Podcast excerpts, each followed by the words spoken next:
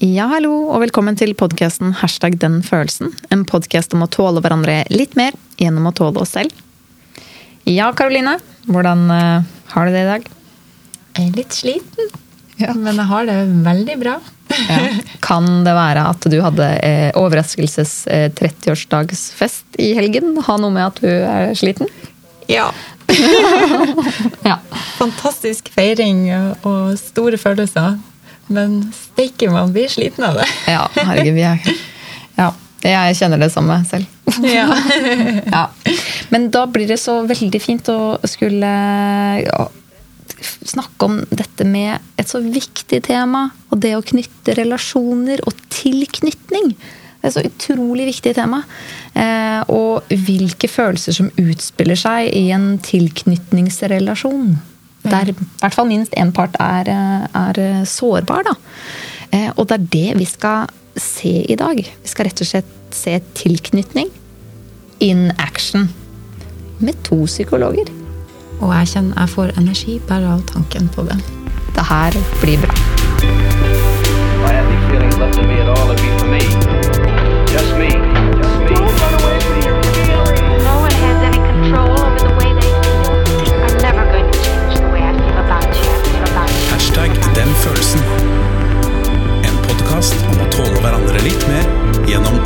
selv.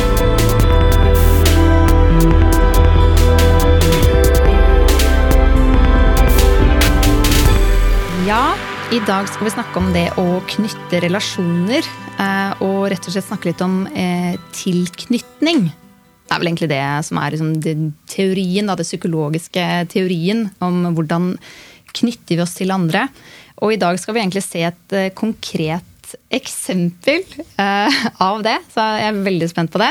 Men litt sånn uh, faglig så vi, har vi funnet bitte litt om tilknytning på psykologisk.no. Og at tilknytning er et varig emosjonelt bånd mellom to personer. Og et kjennetegn er at man ønsker å oppnå og opprettholde nærhet til den andre. Og så står det veldig mye om hvordan man gjør det som barn på psykologisk og på andre steder.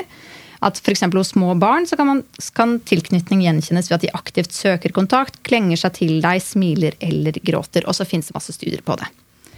I tillegg så finnes det også to grunnleggende behov hos ethvert menneskebarn. Behovet for beskyttelse og omsorg, og behovet for å undersøke og mestre verden. Og begge er grunnlaget for trygghet og livsglede. Ehm, ja, F.eks. at det første man tenker på ved tilknytning, er at barn kjenner nærhet og trygghet overfor de voksne rundt seg. Som når et barn du er glad i, sitter på fanget og lener seg godt inntil deg.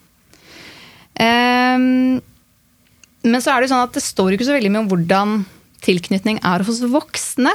Ehm, og da tenker jeg kanskje vi kan spørre litt Først kan vi kanskje introdusere gjestene våre.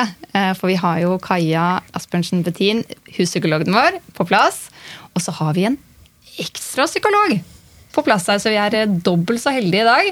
Jonas, har du lyst til å introdusere deg? Ja, så jeg heter Jonas Sjarma Bakkevig. Jeg er eh, psykologspesialist. Jeg eh, jobber på Lovisma sykehus med pasienter som har litt angst og litt depresjonsplager, søvnplager, slitne, litt relasjonelle plager.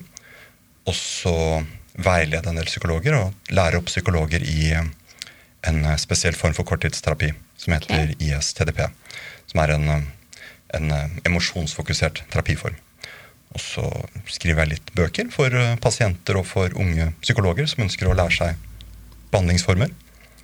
Og så er jeg pappa og ektemann og nabo, venn, sønn, bror. Mm. Livsborger. Ja. For en CV. For en CV. Og ISTDP, det må vi snakke om en annen gang. Det er veldig spennende. Det er veldig veldig spennende. Ja, det er det. Kanskje vi kan ha en egen episode om, eh, om det. Det hadde vært veldig gøy. Men ja eh, Litt om hvorfor vi har med Jonas i dag. Eller først kan jeg kanskje spørre, Er det noe mer dere vil si som fageksperter her på tilknytning? Som jeg ikke nevnte. Jo, jeg sa jo veldig lite. Og hva er egentlig tilknytning? Ja, ja, jeg kan for så vidt legge til noe der. Eh, for du snakker jo nettopp om tilknytning at det er noe som oppstår i barndommen. ikke sant? At det handler om relasjon mellom omsorgspersoner da, og, og, barn. Og de behovene vi har da ikke sant? for å ha noen nære, trygge. personer rundt oss, eh, men også det å utforske verden, da. Som en eh, Ikke en motsetning til, men en annen side av det. Eller et annet behov da, i det samme liksom, ja, I det å leve eh, og oppdage verden når man er liten. Og så er det jo sånn at den tilknytnings... Eller det vi opplever da, som barn når vi danner tilknytning til våre omsorgspersoner, altså de erfaringene der, tar vi jo med oss inn i voksenlivet òg. Mm. Sånn at når vi blir voksne, så uttrykker vi jo ikke disse behovene på samme måte, eller oppfører oss helt på samme måte, men, men det ligger litt sånn i oss likevel. da. Og preger relasjonene våre, f.eks., og kan prege oss så mye sånn hvordan vi har det. og har, Det har også betydning for den psykiske helsen. da. Sånn at For meg for eksempel, som jobber som parterapeut, så ser jo jeg tilknytningsbehov og tilknytning, tilknytningsatferd hele tiden i Ikke terapiene. Sant? Fordi det er det som egentlig grunnleggende sett utspiller seg mellom de to som da er veldig knyttet til hverandre. da. Som partnere så er man jo det. Mm. Så, så det, ja, det, eksisterer i aller høyeste grad hos voksne, men på en litt annen måte. da. Mm. Uh, så vi er ikke så vant til å snakke om det, kanskje. Liksom, tilknytning i voksen alder. Hvordan ser det ut? Nei. Um, men det er jo der. Absolutt. Ja, man kan jo, hvis man er spesielt hvis man er foreldre eller skal bli foreldre, så er det jo kjempeviktig, mener jeg. da. Jeg leste jo på den psykologisk.no, så da sto det masse spennende om tilknytning. Eh, så, hvordan man kan se på barn, f.eks. hvordan de reagerer. og hvordan det er gjort mange studier. Så jeg vil anbefale lytterne som er interessert i dette, eller skal ha barn, eller ja, eh, bør lese det. Og så kan jeg jo si at jeg kjente meg litt igjen nå, med hvordan de barna reagerer, men kanskje da mer i voksen alder også. Så det du sier, jeg, jeg, jeg kjenner meg vel igjen. At man mm. kan kanskje se litt tendenser på hvordan man reagerte som barn, eller mm. hvordan man reagerer også som voksne. Ja. Men som du sier, det er jo ikke snakka så veldig mye om. Nei, kanskje ikke på den måten. Vi snakker om det på andre måter. Altså. Jeg tror de fleste mennesker har jo kjent på, i et parforhold kanskje mm. særlig, da, eh, det at tilknytningssystemet deres blir aktivert, men de, ikke, eller de snakker ikke om det på den måten. Vi snakker om liksom, hvordan er det å være i et parforhold, og hva er typiske utfordringer som oppstår der konfliktmønstre osv. Og, så og i bunnen av det, så teorien bak i alle fall bak eh, mye parterapi, er jo at det i bunn og grunn handler om tilknytning. Mm. Og tilknytningsvansker i den relasjonen da, bør ikke være generelle tilknytningsvansker, men tilknytningsvansker som utspiller seg da i den relasjonen mm. eh, mellom de to voksne. Men vi snakker ikke nødvendigvis om det sånn, så, så det å liksom bringe den faglige definisjonen inn i den forståelsen da, av hvordan mm. relasjoner utspiller seg og oppleves. og sånn. Det er jo det vi gjør nå i dag. Kult. Og så er det et fenomen som er helt unikt for oss mennesker. Ja. Dyr har jo tilknytning. Ja. Hvis du får en hund som ble slått av sin forrige eier, så vil ikke den møte deg med tillit. Den vil jo luske rundt deg eller være aggressiv tilbake. Mm. Så de har jo det samme. Men vi har en helt spesiell ting. Nei. Vi er tilknyttet oss selv. Nei. Vi har en relasjon til oss selv. Vi kan si 'jeg liker mm. meg selv', eller 'jeg hater meg selv'. Mm. Mm. Det er helt unikt for oss mennesker. Mm. Ja, det visste jeg ikke. Så det spiller seg ut sånn som vi fire nå. Vi har en tilknytning. Mm. Vi sitter nå, vi etablerer et bånd. Tar med alle relasjonene våre inn hit. Mellom meg og dere nå så er det bare masse speilbilder, masse bilder av alle mennesker jeg noen gang har møtt. Mm. Så hvis jeg har møtt masse mobber i tidligere i livet, så ville jeg sittet stille, trukket meg tilbake, ikke sagt så mye. Hvis jeg sa noe, ville jeg vært veldig veldig forsiktig hvordan jeg sa det. Hvordan kan de tolke dette her? Kan de ta meg på det? Mens jeg har blitt møtt med masse masse kjærlighet, så har jeg gått inn litt med trygghet. Bare, åh, Deilig. Tre mennesker, de smiler til meg, interessert har lyst til å si, lurer på hva de har lyst til å si. Dette kommer til å bli superhyggelig. Men samtidig så sitter jeg og har en relasjon til meg selv. Mm. Mm. Ja, for Det var jo i den eh, forskningen da, som vi leste på psykologisk.no, for de som er mer interessert i det, det var en sånn trygghetssirkel som man snakka om eh, for barn. At, eh, at, det handler om dette med balansen mellom å få trygghet fra foreldre og å kunne utforske verden. da. Og det med å kunne hele tiden balansere med å kunne gå tilbake til fanget, få trygghet, og så ut og utforske verden igjen. Og det er jo litt sånn, som du sier, da, hvis man har kanskje ikke vært så trygg, ikke fått den tryggheten når man var, var liten, så er det kanskje litt skummelt også å utforske verden. Eh, og at man kanskje har det med seg også når man blir eh, eldre. Eller får dårlige erfaringer eller, eller, gode erfaringer, sånn som du sier. da. Absolutt. Hjernen vår er, jo- hjernen vår er designet for overlevelse. Hjernen er jo ikke bygget for å gjøre deg lykkelig. Lykkelig er sekundært. De primære hjernen ønsker, er å holde deg i live. Så hvis den har erfart at relasjoner er farlige, så er primærobjektivet til hjernen er å holde deg i live psykologisk og fysisk. Med andre ord beskytte deg mot relasjoner. Så lurer du på hvorfor jeg ikke er glad? Jo, fordi hjernen har tatt topprioritet i å holde deg i live. Hvis den føler seg trygg, da kan den begynne å jobbe med måter å være glad på. Så ja. Det er veldig spennende. Og så er det jo litt sånn at uh, i dag så tenkte vi jo egentlig ta et konkret case. Hvor liksom dette med å knytte relasjoner er jo veldig sårbart. Ikke sant? Alle har jo sikkert vært i en relasjon der de ønsker å komme nær. Men da kommer kanskje den tilbake, den der trygghet, utforskning, den balansen. Hva, hva, hva tør man? Har man noen dårlige erfaringer med fra før, eh, eller gode? Så det vi har fått muligheten i dag, er jo å ha to psykologer som skal snakke om sin relasjon. Og eh, rett og slett snakke om følelsene som oppstår. Og da eh, tenker jeg kanskje hvis dere kan ta en kort forklaring av deres relasjonshistorie. Altså hvordan kjenner dere hverandre, hvor lenge dere har kjent hverandre osv. Mm. Skal jeg ta det, eller skal du Starte med du kan supplere. Ja. Nei, bare sånn rent sånn eh, faktisk sett så er vi jo kollegaer på Lovisenberg DPS, så vi jobber begge der. Og vi ble kjent med hverandre i kraft av det, holdt jeg på å si. Eller da jeg begynte å jobbe der, i 2018. Så vi har jo ikke kjent hverandre sånn veldig, veldig lenge, da, egentlig. Men eh, ja, det er jo den sammenhengen vi kjenner hverandre. Vet ikke om jeg trenger å si noe mer enn det om sånn Hva er liksom rammen? Enig. Enig. Ja. Ja. Da var det det. Mm. Mm. ja, hvordan var det for deg å møte Jonas, da? Ja, det var Vi snakker litt om det å knytte relasjoner. Ja. Ikke sant? For der er det jo en historie som eh, Og jeg vet ikke hvor mye du vet egentlig om det. Så det blir jo litt sånn spennende for deg kanskje å høre, Mm. høre litt om òg. Nei, for det, jeg, altså jeg må egentlig si at eh, mitt første møte med Jonas, eller i hvert fall sånn de første møtene Altså jeg tror ikke det kan egentlig beskrives som noe annet enn eh, kjærlighet ved første blikk. egentlig. Fordi at, eh, og da skal jeg forklare det, da, fordi at det er, liksom, det er noen mennesker, i hvert fall sånn har jeg det, at det er noen mennesker jeg møter, det har liksom kanskje skjedd en håndfull ganger i løpet av livet, eh, som bare jeg vet sånn umiddelbart at dette er en person jeg ønsker å ha i livet mitt. Altså at det er en sånn følelse at liksom Ja, her er det noe som For sant, det er veldig mange mennesker som er hyggelige, morsomme, interessante på forskjellige måter. Men så er det liksom noen mennesker da, som er bare sånn Wow, liksom, her er det noe sånn helt unikt eh, for meg. Så, så sånn var det uh, da jeg møtte Jonas. Ja. Og, og jeg kjenner at når jeg snakker om det, så blir jeg, jeg blir ganske sånn aktivert. Oi. Det kjennes som kroppen reagerer litt. Fordi det her er ganske viktig for meg. da. Ja. Liksom det å ha, få en sånn erfaring, det, det setter i gang ganske mye. Apropos følelser, Ja. tilknytning. Ja, Hvilken type følelser da, tenker du? Nei, altså Først og fremst så er det jo veldig sånn, det er veldig stort, da.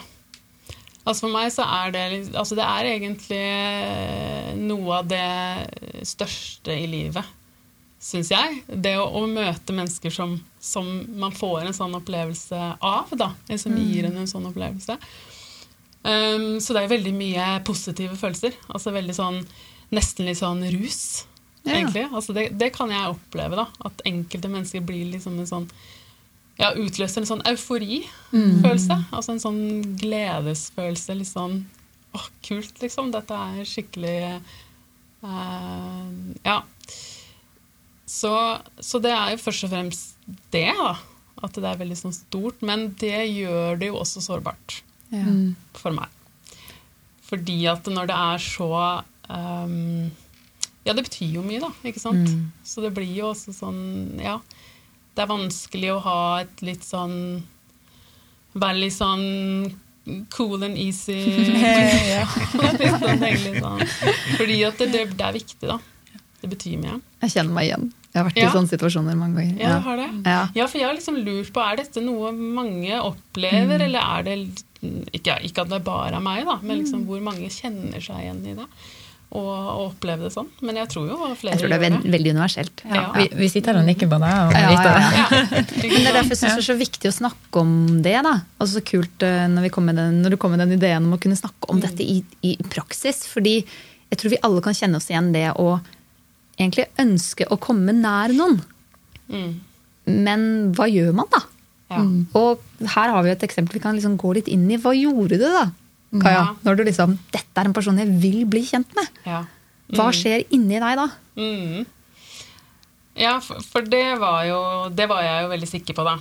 Og jeg har erfaring med at når jeg får en sånn opplevelse, så stemmer det, på en måte. Altså Da er det noe som er verdt å, å Hva heter det på norsk? Pursue. Altså ja, gå etter, da.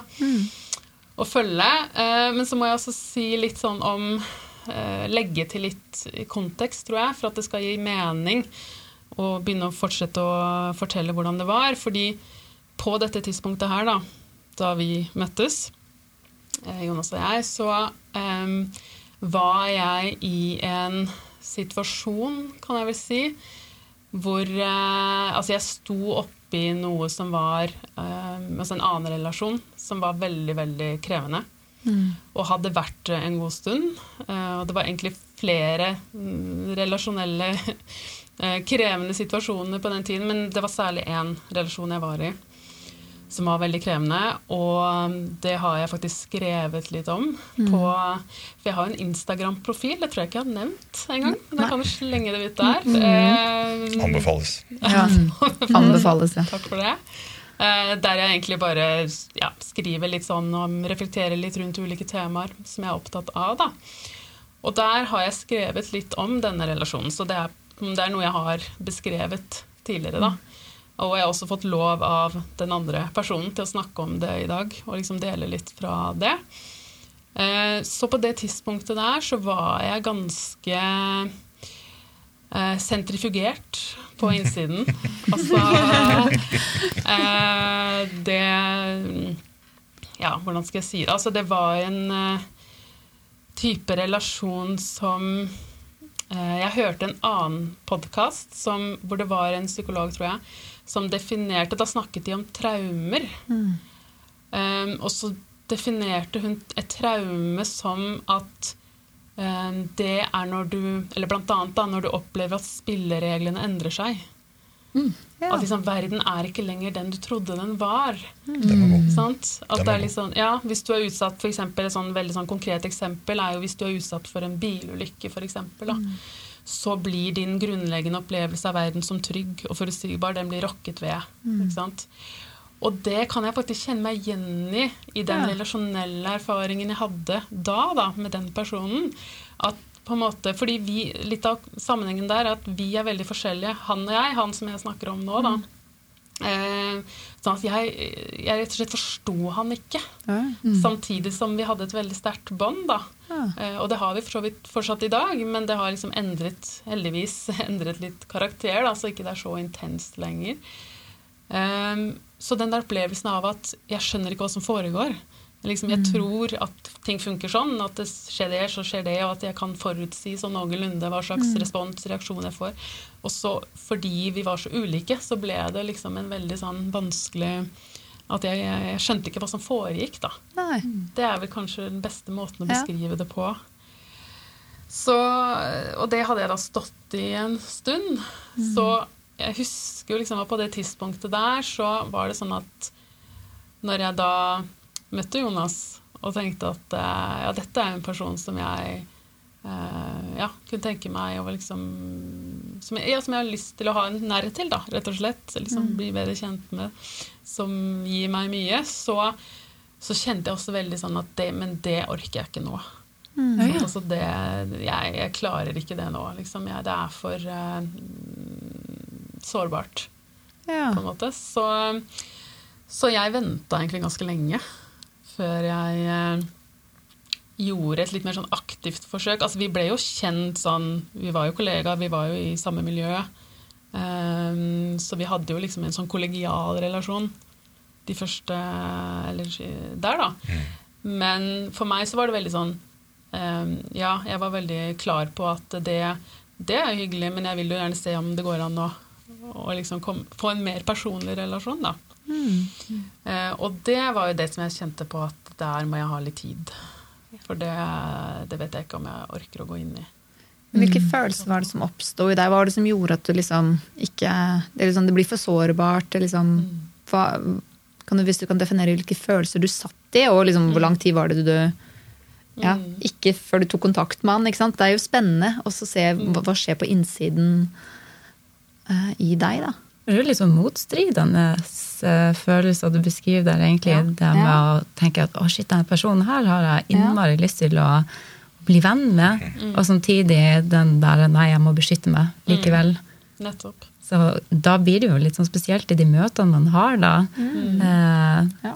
jeg vet ikke om det er signaler som er også den andre merker òg, Ja. eventuelt. Ja, det Ja, Hvordan var det for deg, Jonas? Merka du det? Altså um, det, er veldig, det er veldig rørende å høre på hva jeg forteller om dette her. Mm. mange detaljer jeg ikke visste om, noe visste jeg om. Uh, jeg blir veldig rørt når du forteller om dette. Det er veldig koselig å høre om. Og det er jo Det er som du er inne på, det er jo uh, Altså psykolog eller ikke psykolog. Uh, det at man kan bli lagt merke til, at man gjør inntrykk på noen. Det er jo øh, det er noe av det større vi kan oppleve i livet. da. Så jeg blir veldig rørt her jeg sitter. Uh, mens eh, Jonas, da, i, dette var 2000 og, og Ja, 19 1918? 1819, Ja. ja.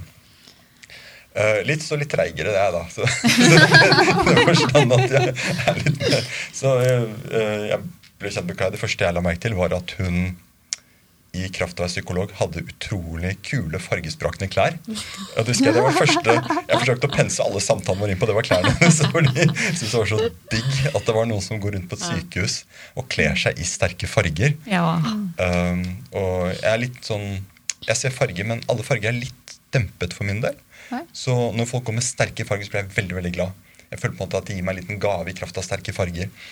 Um, så um, det var først da Kaja tok kontakt, uh, at uh, vår relasjon begynte å grave seg inn i hverandre for min del. Uh, og da, da skjedde min versjon av det du beskriver. Og det er nok noe av det samme, men med litt andre ord. da. Og det var Og det er som så Bare en liten sånn sidespor for å komme inn hit. Jeg var hos en venn for litt siden, og så spilte han er musiker og en psykolog. Uh, og han spilte, spilte en CD for meg med noe gitarspill han spilte inn. Uh, og det var så rart, fordi jeg kjente det igjen med en gang. Jeg hadde aldri hørt musikken hans før, det var han som hadde komponert sangen, men det var et eller annet i den musikken jeg kjente igjen. Og jeg assosierte spontant til da jeg var liten, vokste opp i nærheten av Frognerparken sammen med broren min og foreldrene mine. Foreldrene mine også elsket musikk, og de spilte litt sånn musikk for meg og broren min. Uh, det var noe, sånn rolig gitarspill. Jeg husker de hadde spilt meg, aner ikke hva det var. Men det resonnerte med noe på innsiden. Uh, og det jeg skjønte, og det skjedde etter at uh, Kaja startet en tilknytningsrelasjon da, ved å ta et steg innover mot meg, så kjente jeg noe hos Kaja. Jeg kjente henne igjen. Oi. Ja. Oi, hvordan da? ja, Det er et godt spørsmål. Ja. Jeg vet ikke helt. Aldri møtt henne før i hele mitt liv. før jeg begynte å møte henne på jobben. Men det var et eller annet da hun startet Eller hun vi hadde fått en kollegial tilknytning. Ja. Og hun tok initiativet for en dypere en nærere, mer personlig tilknytning gjennom øhm, øh, musikk. Vi snakket om musikk. var det vårt første Ja, ja. Ja. tema. Eh, jeg skjønte at vi kan ikke bare snakke om farger. Uh, og da uh, Da kjente jeg henne. Et eller annet. Jeg visste ikke hva det var. Da startet min graveprosess. For da lurer jeg på er som, hvem er du? Hva er det jeg kjenner igjen hos deg? Og Det starter musikk, og da, og da kanskje gutter og jenter litt forskjellige. For din, din beskrivelse er jo høres veldig sånn eh, kunstnerisk ut. og litt sånn, sånn at man går på et museum og bare å, bare, mm, dette er bare mm, farger og mm, statuer og musikk, og det er stort og det er deilig. Mens en gutt bare hm, Hvilke pensler har de brukt her? Hva slags lerret er det? Når er dette fra? Hvordan gjorde han dette her? Hva tenkte han? Så jeg begynte å grave. da. Hvordan tenker du om ting? Hvordan føler du om ting? Hva liker du? Hva slags musikk liker du? Mm. Kål. eh, Da ramla jeg litt. eh, så, eh, så sånn startet min, min, Ja. min prosess. da. Så det var din måte å nærme deg Kaja igjen på? liksom? Ja, liksom? litt sånn gutteingeniøraktig versjon Ja. av det, kanskje. Men motivert av det er et eller annet jeg kjente igjen hos henne. Jeg forsøkte å finne ut hva er det for noe. Men la Ja. du merke til at hun ville ha kontakt med deg før hun initierte kontakten? Bare sånn, Nei. Nei, ikke sant? Nei. For det er sånn, vi har jo nett, det er ikke lenge siden vi har snakka om ensomhet. Og det kan jo være litt sånn interessant, dette med hvordan kommer man nær? Og, og her har det jo vært et ønske hos deg, og også et si, ikke-ønske, å gå inn i det. Men, Ja. men det er interessant hvordan man ikke liksom, legger merke til at noen kanskje har veldig lyst å komme nær noen også. Ja. Ja. Jeg jeg tenker at Det er ikke så rart at du ikke merket det, fordi jeg viste det jo ikke. Nei. Ikke sant? Også Det ønsket var jo der på innsiden min, og veldig tydelig for meg. Men jeg viste det jo bevisst ikke til deg, fordi at jeg også hadde mye frykt. Ikke sant. Og det var jo det jeg kjente, Som jeg sa i stad, at jeg var ikke klar for det. Så den følelsesmessige opplevelsen i meg da var jo, er jo, var jo frykt. Ikke sant? At jeg kjente at det, det er skummelt, da. Ja. For det er jo skummelt liksom, når du vet veldig godt at denne personen liker jeg veldig godt. Denne personen har jeg lyst til at skal like meg. Ikke sant? Og det er viktig. Så det er jo skummelt òg. Ikke sant? Fordi jeg risikerer jo For det første så risikerer jeg jo en avvisning. Ikke sant? Altså det kunne jo hende Jeg visste jo ikke om Hvis jeg tok det skrittet, hvordan ville det bli møtt? Ikke sant? Eh, det kunne jo hende at det var helt uinteressant eh, for deg. Eller i hvert fall at jeg liksom ikke fikk den responsen jeg håpa på. Og, um, og sånn som det er for meg da, så, så vet jo jeg at hvis det skjer, så altså Da har man jo ikke rukket å utvikle et ordentlig bånd på det altså før man tar et sånt initiativ. Men du har rukket å skape deg noen forestillinger ikke sant? om hva det kan være, og, og, liksom, og et ønske om å komme dit. Og så eh, Det vil jo falle sammen, da. Hvis man ikke får den responsen. Eller hvis jeg ikke hadde fått den responsen jeg håpa på. Så det var det jeg kjente da, at det, det var mye frykt der. Og at jeg ikke liksom orket ikke å ta den sjansen, da. Så, så jeg viste jo ikke det uh, før da den eh, gangen jeg tenkte ok, nå bare uh, gjør jeg noe som liksom inviterer til litt mer, noe mer personlig, da. Veldig modig, da. Ja. Ja. Veldig ja, modig. Det, mm, ja, jeg kom vel liksom til punkt hvor Det var litt tilfeldig òg. På, på en måte så hadde jeg planlagt det lenge. Altså Jeg hadde liksom tenkt mye sånn Og jeg husker jeg snakka med dem, eh, andre venner av meg og sånn. liksom sånn der, ja, Hvordan skal jeg liksom gjøre det? ikke sant? For det må, liksom, det må jo virke litt naturlig òg. Det er litt sånn rart det bare sånn Men egentlig så er jeg litt sånn som er litt sånn fan av å bare gå bort og spørre 'Hei, skal vi leke?' Ikke sant? Sånn som man gjør når man er liten. Altså bare sånn, det er jo noe sånn befriende i det. Men samtidig så fordi man er voksen, kanskje, eller fordi Nå sier jeg mye mann, merker jeg. Det skal jeg prøve å ikke gjøre. Jeg skal si jeg. Eh, Fordi jeg er voksen, så føler jeg kanskje litt på at det, det blir litt for bardust. Ikke sant? Og da blir også muligheten for avvisning veldig tydelig. da. For da kan jo du svare 'nei, jeg vil ikke leke med deg'. Ikke sant? I voksenspråk. da. Uh, og, og kanskje ikke så tydelig heller nødvendigvis. Uh, det kan jo bare være en opplevelse at man ikke får den type respons man ønsker, selv om ikke det er noe sånn tydelig 'jeg vil ikke leke med deg', så kan du merke at den andre kanskje ikke ønsker det. da.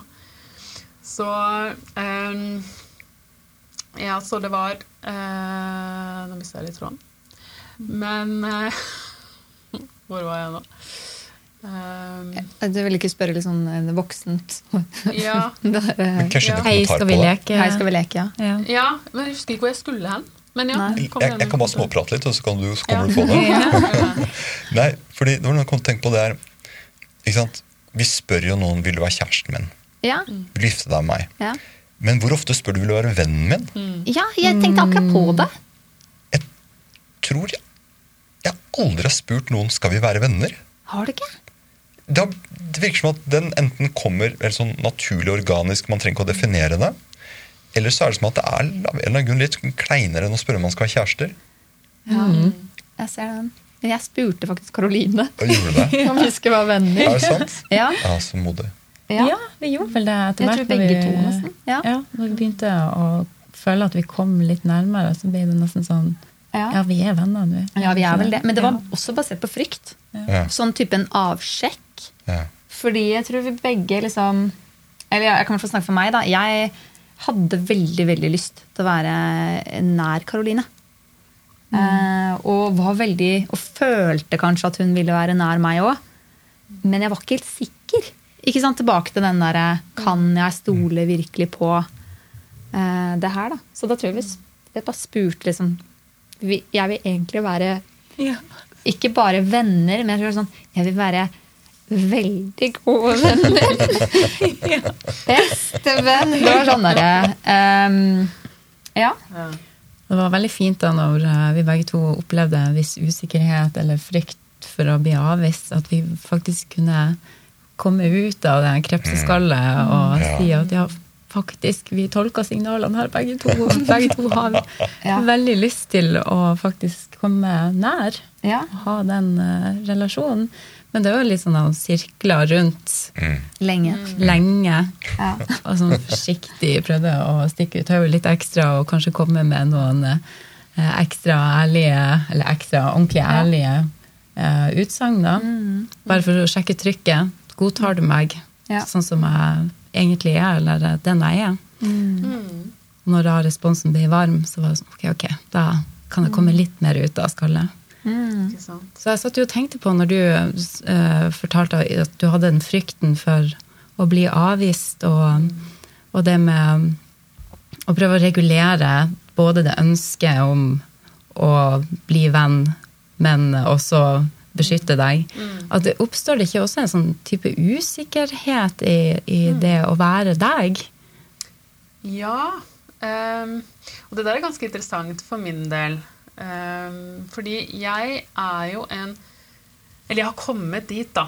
Eh, det har vi jo snakket litt om tidligere eh, når vi har spilt inn eh, episode om angst. At før i tida så var jeg en ganske utrygg person. Og så med tida så har jeg liksom ja, blitt tryggere og tryggere. Og i dag så er jeg jo en person som er ganske trygg på den måten at jeg, jeg stikker hodet en del fram. I hvert fall sånn i mine kretser. I mitt fagmiljø, f.eks. Altså jeg er litt sånn ja, kan liksom delta aktivt i meningsutvekslinger og deler mye på sosiale medier og stiller opp på ting og holder foredrag og så, og så videre og så videre. Og tar liksom, føler i hvert fall selv jeg tar litt plass, da, men forhåpentligvis på en ok måte. Altså med, med det jeg er opptatt av og sånn. Så jeg føler meg ganske sånn trygg og, og føler egentlig liten grad nå i dag på litt sånn generell skam. Liksom den der følelsen av å ikke ville synes. Men når jeg kommer inn i relasjoner som betyr noe for meg, så blir jeg en liten 14-åring inni meg. Så da kjenner jeg veldig på det med usikkerhet, skam, og får veldig Jeg merker også at jeg tolker den andre veldig lett i retning av avvisende, da. At jeg kan i hvert fall gjøre det. Eh, og det er litt sånn interessant at det er så stor forskjell. At liksom ute i verden så er jeg ganske trygg. Eh, og føler liten grad eh, ja, behov for å gjemme meg, eller, eh, eller får sånne fantasier, eh, sånne ideer om hva andre tenker og sånn. Jeg er ikke så opptatt av det, faktisk. Eh, men i disse nære relasjonene så snur det helt. Og så er jeg plutselig veldig selvbevisst på en måte, eller veldig sånn Føler meg egentlig litt sånn underlegen, tror jeg. Mm. Og særlig i de relasjonene som starter sånn som min relasjon til Jonas, da, som starter med en sånn veldig begeistring fra min side. Hvor jeg bare liksom Det er sånn Ja. eh, dette er en person for meg, ikke sant? Så blir jeg med en gang nesten veldig sånn da, Ja, da blir jeg liksom den sårbare, da. Den utsatte. Ja. Hvor, Så det Ja. hva tror du er årsaken til det, da? Godt spørsmål. Det Jeg tror det er jo en samme Eller um, Ja, kobling Eller øh, Altså, det ene i det er nok det at det er så viktig, rett og slett. da. At jeg vet på en måte at det, altså det er et eller annet inni meg som sier ikke sant, at nå Det her er viktig for deg. Så her er det noe du kan miste. Ikke sant? At det gjør da, at det blir veldig sånn eh, Med en gang så kommer jeg i den posisjonen. Liksom. Nå er jeg utsatt. Ehm, og så tror jeg også det handler om tidligere erfaringer. da. Ja. Ikke sant?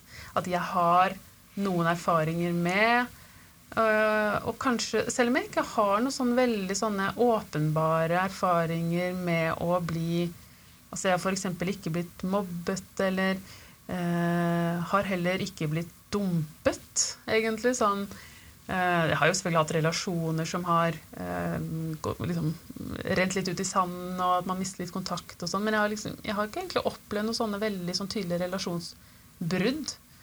eh, uten at det var jeg som tok initiativet til det, da. Eh, men likevel så tenker jeg jeg har jo noen erfaringer på det at Mer sånn at eh, det er mulig å gli fra hverandre, kanskje, da. Mm. Eller det å, å Ja, både som barn, tenker jeg, opp gjennom livet, men også da eh, Også fordi jeg hadde nettopp stått i en krevende relasjon, da Ikke sant? som var veldig hvor jeg kjente mye på det der og ikke liksom, vite helt hvor jeg hadde den andre. Og så blir det veldig sånn Alt dette sammen da gjør at eh, ja, nå, nå er jeg veldig utsatt. ikke sant? Nå risikerer jeg å miste. jeg risikerer å tenk, tenk om jeg tar feil? Tenk om jeg misforstår totalt? ikke sant? Det er en sånn frykt da, Mm. som jeg har. At det, det kan jo hende at jeg leser den andre helt feil. Uh, at jeg tror at uh, her er det en relasjon, så er det ikke det, for eksempel. Eller Uh, Ja, jeg vet ikke, nå, nå bare kan jeg jeg litt til meg men uh, Ja. prøve å sette litt ord på ja. Jeg kan jo kjenne det igjen. Det er liksom dette for eksempel, Hvis man går til mer sånn, ikke vennskap, men sånn kjærlighet, sånn flørting og sånn. Mm. Jeg skjønner meg ikke på flørting. Det er sånn, Hvordan gjør man egentlig det? For Rett og slett bare fordi ja, Kanskje litt sånn frykt da, til hva er det egentlig hvordan tol Kanskje jeg tolker feil. og Det verste hadde jo vært liksom, for min del om jeg hadde tolket, trodd at du likte meg. Så, Eh, Men det er jo egentlig litt likt også i vennskap. Det er jo det.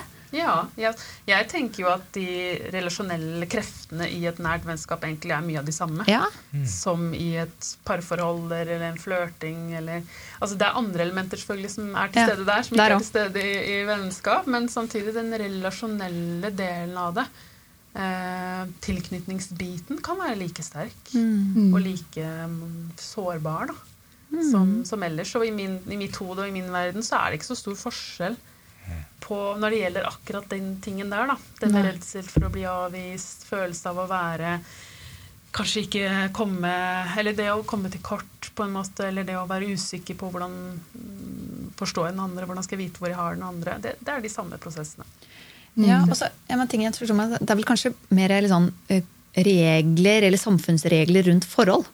Så det er liksom nesten litt mer lov, lov når jeg er lov i gåseøyne, indignert hvis partneren din gjør dette, dette, dette. Mens så har man liksom ikke så definerte roller for kanskje vennskap. Men man kanskje da, nå bare tenker jeg sånn for min egen del, kanskje jeg egentlig ikke tør å innrømme at jeg har de samme følelsene i vennskap som jeg har i parforholdet. Det er bare til parforholdet så tør jeg, tør jeg å uttrykke det. Og så kanskje jeg dytter det litt unna i vennskap. Jeg vet ikke. Nå snakker jo vi veldig mye om sånne ting da, og syns det er spennende, og kanskje derfor også vi er så gode venner. Eh, men eh, ja, så det var kanskje egentlig derfor vi også ble så gode venner, fordi vi snakka om de tingene. Ja. At jeg da ble liksom bevisst. Ja, ok, Og da begynte man å snakke mer åpent om denne liksom Vil du være vennen min? Ja, det er faktisk det jeg føler. Og så videre. Ja, jeg vet ikke. Og veldig mange er jo komfortable med at vennskapsrelasjonen er litt mer udefinert Ja. enn kjæresterelasjonen. Uh, er derfor, sant, Du beskriver så nydelig, Kai. Du beskriver et liv hvor du mestrer det aller aller meste du møter i livet ditt. Som mamma, på jobb, med venner. Og så merker du bare det er ett område hvor det er av en eller annen grunn det er et sår. Og så møter du i en relasjon bare der det trykker på det såret. Ja. Og så Det er det som er så fantastisk med relasjoner, det er jo at eh, de gir deg en ny sjanse. En ny sjanse for å gå inn i det såret. Og faktisk reparere såret i en ny relasjon. Det er sant. Og det er det terapi egentlig er basert på. At du kommer til en psykolog med dine skader. Inn i en ny relasjon så er det en som sitter der og aksepterer deg. Og geleider deg gjennom plagene dine. Og så går du ut igjen i livet ditt og fortsetter å leve livet ditt. Eh, men det som må til, er jo akkurat det du også beskriver, det er den modigheten. Ja. At det, er, det er som en høydeskrekk. ikke sant? Ja. Hvert hus som er over to meter høyt, er en invitasjon til å reparere høydeskrekken. Ja. Men instinktet er jo selvfølgelig å beskytte seg mot det. Ja. Det er jo det ubehaget, angsten, frykten. Det er hjernen som skriker nei. Så det som er interessant, er jo hva, hva gir det motet til å faktisk gå Ja. inn i det som er sunt, Ja. helende, men skummelt. Hvor man tar en sjanse, da. Ja, det er sant. Jeg har ikke svar, men Det høres ut som noe av det du beskriver, er en form for kjærlighet til tilknytningen. At du liker, Det er som, i deg som trekkes mot å være tilknyttet. Ja. Eh, men da til noen spesifikke mennesker, da. Eh, ikke sant? At, men, så det er en kombinasjon mellom det å eh, ja, møte et menneske jeg har lyst til å ha en tilknytning til, da, og en kjærlighet til tilknytningen. At det er veldig sånn fint å være der i en relasjon med noen som gir deg lyst til det. Eh, ikke sant? Så, så, så, og det var det jeg skulle si i stad, kom jeg på, at, eh, at jeg hadde jo planlagt det på forhånd. Jeg hadde jo liksom snakket med andre venner som sagt om liksom, hvordan skal jeg gå fram. For, for, jeg vet jo at en vakker dag så har jeg lyst til å ta det steget mot eh, deg, da, eh, Jonas. Eh, så, men det er litt ja, så, så jeg var liksom, husker jeg snakket om hvordan skal jeg gjøre det på en måte som virker naturlig, da, men som samtidig er tydelig. Da, at det er det jeg prøver på, eller nå inviterer jeg til noe mer personlig. Men når det skjedde, så var det litt tilfeldig òg. At eh, eh, det bare oppsto som en, eh, en mulighet, da. Og så sendte jeg deg, og som du sa, en, en liksom musikkrelatert melding. Og så kom, fikk vi liksom den connection først. da Yes. på det området. Så, så jeg vet ikke hva som gjorde at jeg gjorde det, men jeg var jo veldig bestemt på at jeg skal gjøre det en dag. Så det var liksom bare å komme Ja. inn i det, da. Så, men vi har faktisk, det vet jeg ikke om du husker da, men vi har faktisk en sånn, et sånn moment med Skal vi være venner? Nei. Ja. Vi hadde kanskje det. Hvem som Så du, så du har sagt ja til å være vennen min, selv om ikke du husker det nå, da. Det er bare å beklage. Etter at jeg ble småbarnspappa, så er det så mye som faller ut av hodet mitt. Men jeg visste at vi var venner, da. Ja, du visste Ja, det. ja, det. Ja, Ja. Mm. det, var, det er godt å høre, da. Så, Dere har avklart det. Ja, Ja, nå, er det i hvert fall Vi har avklart, og nå er det avklart på nytt, da. Ja. det Også fint. på, på, på pod. dokumentert. Nå er det er ingen eh, no way back nå. Men, eh, jo, Men dere hadde det, dere det kom litt sånn i forlengelsen av at vi hadde en samtale en gang eh, om det her med relasjoner og, og liksom, ja, når vet man at man har en relasjon og sånn. Og så i etterkant av det så var det litt sånn øh, Og det var jo ikke på tull, for det var jo helt ekte. Men litt sånn på bakgrunn av at vi hadde snakket om det samme dag, så spurte jeg ja, vil, skal vi være venner. Og så Så sa du ja. Nei. Ja, det var veldig søtt. Ja. Så da tenkte jeg ok, da har jeg i hvert fall fått en slags bekreftelse Yes. eh, der, da. Så får jeg bare prøve å stole på eh, For inni meg så er det jo da en frykt om at eh, ja, men kanskje han egentlig ikke mener det. Ja. Mm. ikke sant? Eller kanskje, kanskje han sier det bare for å være hyggelig. Kanskje han ikke tør å si nei, fordi ikke sant? da kan jeg bli såra. Eller Så det er litt sånn, selv om bekreftelsene kommer på et vis, så er det fortsatt en sånn Jeg kan i hvert fall kjenne meg igjen i det. da, At det kan være en sånn indre opplevelse av en en frykt og en tanke om at det er ikke sikkert at det er på ordentlig. Mm. Det kjenner jeg igjen. Veldig gjenkjennbart. Ja. Er faktisk liksom en ting som har hjulpet jo, Det her høres veldig rart å si, da. Men eh, når man kommer enten i liksom kriser eller konflikt, eller et eller annet der det, kommer sånn der det er et valg er, Står jeg der eller ikke? Da, det er de episodene der jeg på en måte har eh, eh, fått tillit. For da får man liksom folk får vise seg. Ja. Hva velger du Ja. å gjøre nå? Og så har jeg også brutt vennskap. På grunn av jeg håper å si, at man ikke ble tatt, ivaretatt, eller eh, Ja. En annen måte er også um, Kanskje litt vanskelig å forklare, men eh, eh, For jeg også kan kjenne på den usikkerheten. Men en måte jeg har gjort det på, er å legge meg litt ned. Gjøre meg litt mindre.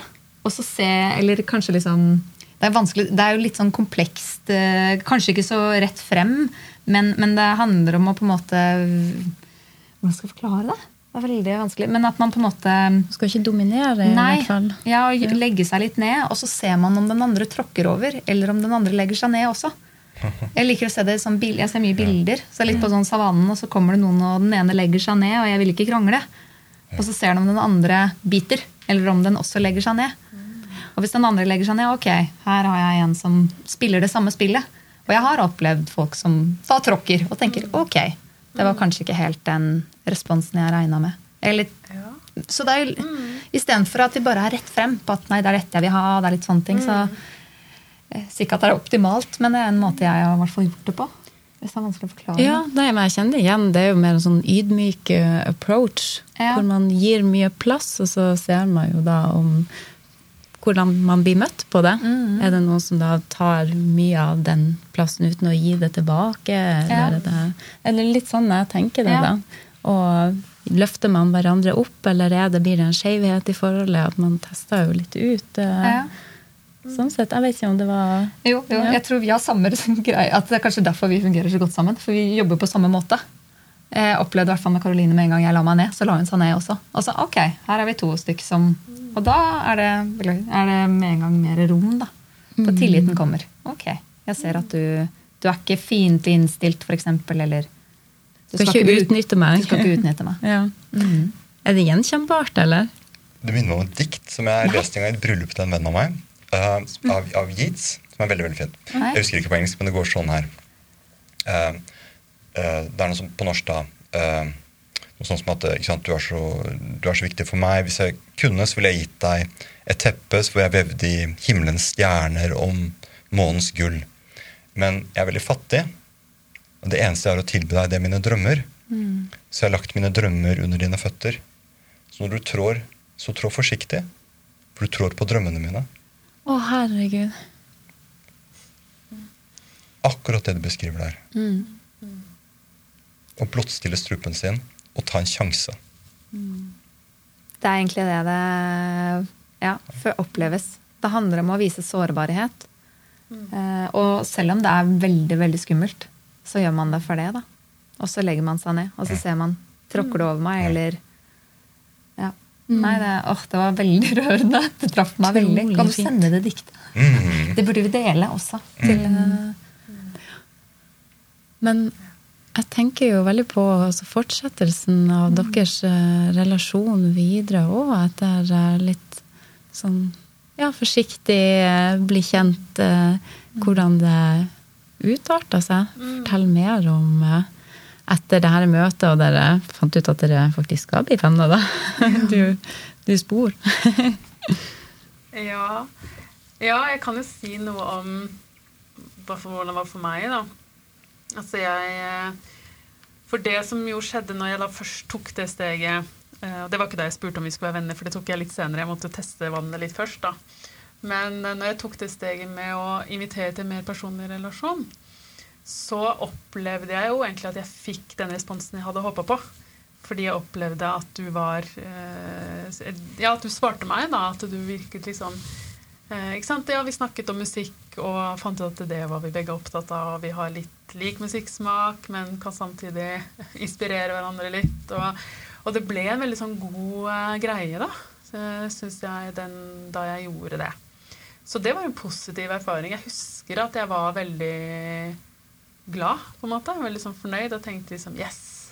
Det, er, det, det ble sånn som jeg hadde håpa det skulle bli. Jeg hadde en følelse av at vi kunne ha en god connection og liksom treffe hverandre på noen eh, plan. Og så, så, så ble det sånn, da. Så det husker jeg at det var en veldig god følelse. Det var en veldig sånn eh, Ja, at hunchen min var riktig. Uh, satt jeg igjen med da, da. Så Men så derfra så var det jo litt uh, Ja, nei, det var, det var ikke bare enkelt. Mm. Det var liksom ikke sånn at ok, nei, men da har vi den, da. Da er det liksom greit, da er det etablert. Og så er det ikke noe stress. Fordi i hvert fall sånn som jeg opplevde det, og det er jo litt Jeg tror jo den inngangen til en relasjon var litt ulik for oss, og jeg tror jo at eh, det at det for min del var så Jeg var så målretta, da og, og bestemt og liksom visste veldig sånn at dette vil jeg prøve å få til, så, eh, så var det jo sånn at den der oppbygningen, liksom den første tida, og den kan være ganske lang, da, altså i hvert fall for min del, så kan det ta litt tid før jeg føler at nå, nå har vi hatt en relasjon såpass lenge, nå har jeg sett såpass mange ganger at den andre personen oppfører seg som en venn, da, for å si det sånn. Um, ved liksom å legge ut litt sånn følere som dere snakker om, eller teste litt sånn hvor, hvor har vi hverandre. Liksom. Eh, det tar litt tid eh, Ja, den prosessen tar litt tid, og det, det var ganske sårbart for meg eh, da også. For da var det liksom På en måte så var det i gang. Eh, jeg hadde fått en bekreftelse på at ja, Det var i hvert fall ikke sånn at jeg ble brutalt avvist. At det var liksom, her var det ingen interesse for å bli noe kjent eller eh, eh, ha noe kontakt sånn utover det helt sånn formelle. Og så samtidig så eh, Ja, så da hadde jeg jo enda mer å miste, da. På en måte. Fordi før det så kunne jeg jo tenke litt sånn at ok, men hvis Og faktisk planen min i utgangspunktet, det var fordi når jeg ble Når vi jobba sammen i starten, da, så hadde jeg en midlertidig ansettelse på Lovisenberg. Og da var planen min å vente til jeg var ferdig med å jobbe der. For så å ta kontakt. Fordi hvis jeg da hadde opplevd at du ikke responderte sånn som jeg håpa, eller at jeg følte liksom at nei, men her er det ikke noe å gå videre på, så hadde jeg jo sluppet å forholde meg til deg etterpå. Ikke sant? Så det var liksom tanken at i hvert fall i starten jeg følte meg mest liksom, uklar på, for det, så var det sånn ok, men jeg kan vente til jeg er ferdig å jobbe, fordi da da, da kan jeg liksom signalisere at jeg ja, ønsker en form for kontakt, en form for nærhet. Og så, hvis det da blir avvist, er det ikke så veldig stress. ikke sant? Da, da er det ikke så mye å miste, for da, da trenger jeg ikke forholde meg Da har vi liksom ikke etablert noe. Men når vi da begynte å etablere noe, så var det jo litt sånn Oi, shit, nå har jeg jo noe å miste, da. Nå har vi liksom fått en bekreftelse. Da er det ikke bare en fantasi eller en tanke om hva som kan kanskje skje. Ja, så um, Ja, så det er jo litt sånn at når man først har noe å miste, da, når man tar det skrittet inn i relasjon, enten det er en parrelasjon eller vennerelasjon eller et eller annet som betyr mye, i hvert fall, så i hvert fall for min del da, så henger det igjen en del eh, frykt der som preger det videre. Så, og da trenger jeg nok en del bekreftelser før jeg liksom kan kjenne at jeg begynner å slappe litt av. Um, men det det også gjorde, da, det, det var liksom at det, For du sa jo i stad, Jonas, at uh, vi har jo også en tilknytning til oss selv. Ikke sant? En relasjon til oss selv som preger relasjonene våre til andre. Og det, det jeg gjorde, var litt sånn at når jeg kjente da, at det å gå inn i en ny sånn relasjon som jeg gjerne vil få til, når det er såpass krevende, så sier det noe om at kanskje jeg må jobbe litt med meg selv. Da. at liksom, sånn, det er greit at det er der ute, at det skjer, men, men, eh, men at kanskje det er noe i meg som, eh, ja, som jeg trenger å jobbe med. Så jeg brukte også litt som en anledning til det. Å tenke sånn, ok, men nå da, da må jeg gjøre et eller annet. Liksom, da må jeg jobbe litt med min innside også, sånn at dette ikke eh, Ikke at det ikke skal være viktig. Um, for det var også sånn veldig tydelig for meg at jeg, jeg vil ikke la være. på en måte, For det er jo, da mister man jo også. Hvis man lar være, avbryter eh, eller liksom trekker seg unna, eller hva det nå er. da, men, men jeg må liksom jobbe med noe på innsida, så ikke det blir så sårbart. da. Så ikke jeg er så utsatt på en måte inn, inni meg. Hva var det du gjorde da, da? For å jobbe med det selv? Ja, hva gjorde jeg da? Nei, jeg eh, Det er nesten vanskelig å svare på. Det var ikke noe sånn veldig konkret. Det var mer en sånn Jeg beslutta på en måte at nå skal jeg øve meg på å eh, tåle dette her. Ja. Eh, ja. At eh, jeg, kan, jeg kan faktisk ikke svare på sånn helt konkret. Nei. Jeg skulle ønske jeg kunne si jeg gjorde sånn og sånn også. Men eh, Nei, det var litt sånn sånn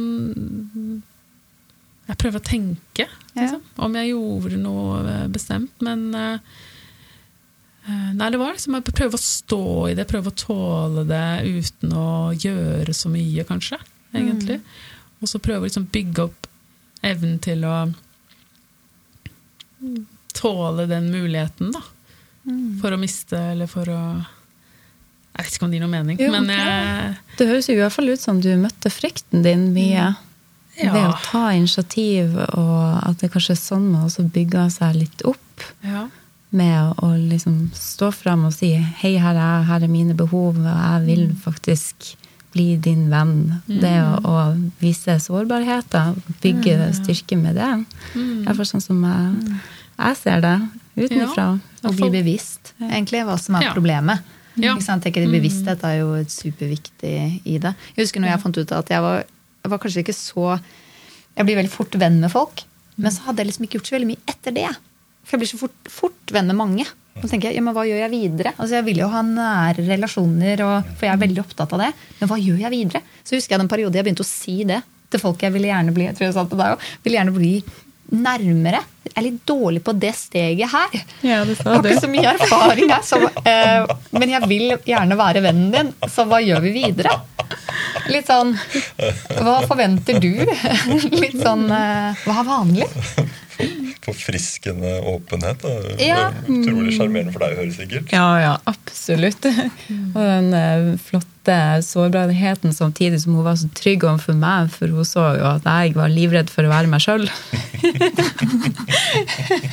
Ja, eller livredd for å vise de sårbare sidene, så hun gikk jo virkelig fram som et eh, eksempel for meg til å, å, å kunne liksom stå i det. De, de litt sånn vanskelige tingene som hvordan har du det egentlig? Kan vi snakke om de tingene der? Og liksom si det at jeg er interessert, jeg er genuint interessert i eh, hvem du er, og hvordan du har det. Så bare en sånn type åpen prat, da. Det var så healende, iallfall for mine sår. Eh, vi følte det med å kanskje ikke være helt vant med å Eller den opplevelsen av å bli møtt. Jeg har nok kanskje også gjort det veldig vanskelig å bli møtt også, da, fordi jeg har så mange forsvarsmekanismer og lag som eh, har kommet etter hvert da, for å beskytte meg. Men eh, det å, å se noen som bare er så ærlig og bare ja, hvordan, hvordan gjør vi det videre nå? At det liksom åpner, åpner opp for min del òg. jeg tenker sånn som det er så modig det du sier, Kaja. Det med, jeg, jeg, jeg ser bare utrolig kult eksempel. Jeg synes det er så modig at du deler det her, og at du tok initiativ til, liksom, til at vi kan bruke min relasjon da, og mine følelser. Så det må jeg si bare, det er så modig. Og det igjen bare er som jeg sa, det er en rollemodell til hvordan jeg mener folk bør snakke mer om følelser og bør gjøre det. Bare, det vi har jo konkludert i podkasten vår om at det å være sårbar er å være sexy. Ja. Eh, Det, er, eh, det er på en måte skikkelig modig når du sier at du har sittet med andre venner og snakket om at du har lyst til å få en nærmere relasjon med, med, med en på jobben. Med Jonas. Og hva gjør jeg nå? Det er jo litt den derre eh, Tørre å være åpen om at det er litt komplekst og vanskelig og sårbart og Ja, det er litt tilbake til den derre em, forskningen om tilknytning også. Det er, jeg ser litt den derre em, der handler det om dette, den trygghetssirkelen, der barnet sitter på fanget til mor eller far. Og så, når man føler seg trygg nok, så går de av fanget og begynner å, å, å skal ut og leke. Og så må de tilbake til fanget. Og så må de ut igjen, og så tilbake til fanget. Det er litt sånn vi holder på, vi òg. Med hverandre. Litt sånn, sånn at det slenger ut litt følere her og der. Den derre eh, Ja, er vi venner? Jeg legger meg ned nå. Tar du meg imot? Skjønner, eh, skjønner du hva jeg vil ha? Eller kan du lese meg? Eller på sånne rare måter, istedenfor å bare si rett ut eh, Jeg liker deg. Skal vi være venner? Ok, du likte ikke meg. Nei vel. Ok. Ja ja. Er det grunn til det? Nei, jeg syns du var litt innpå siden. Ok. Ja ja. Men du kjenner meg ikke ennå. Så ok. Kan vi ikke være der? Men eh, det er derfor vi må starte med det her, føler jeg. Ja. La oss starte med å snakke om at det er komplekst, det er vanskelig. Folk er ensomme. Fordi det du snakker om her nå, er så sårbart. Det Ja, er kjempevanskelig. Det er det, og jeg husker jo at jeg vurderte jo egentlig øh, Jeg vurderte faktisk å ta en sånn prat med Jonas, da. Fordi jeg Det var øh, Det tror jeg Du merket sikkert ikke det, fordi og det er jo litt sånn at Vi har jo ikke heller vært så mye så Nå har det vært pandemi, og, og jeg er sånn på jobb, så er det ikke sånn at jeg er på jobben hver dag. Så vi ser hverandre jo ikke så veldig mye. Um, så, så vi har jo hatt litt sånn kontakt på andre måter, da. I den uh, perioden. Uh, på melding og sånne ting.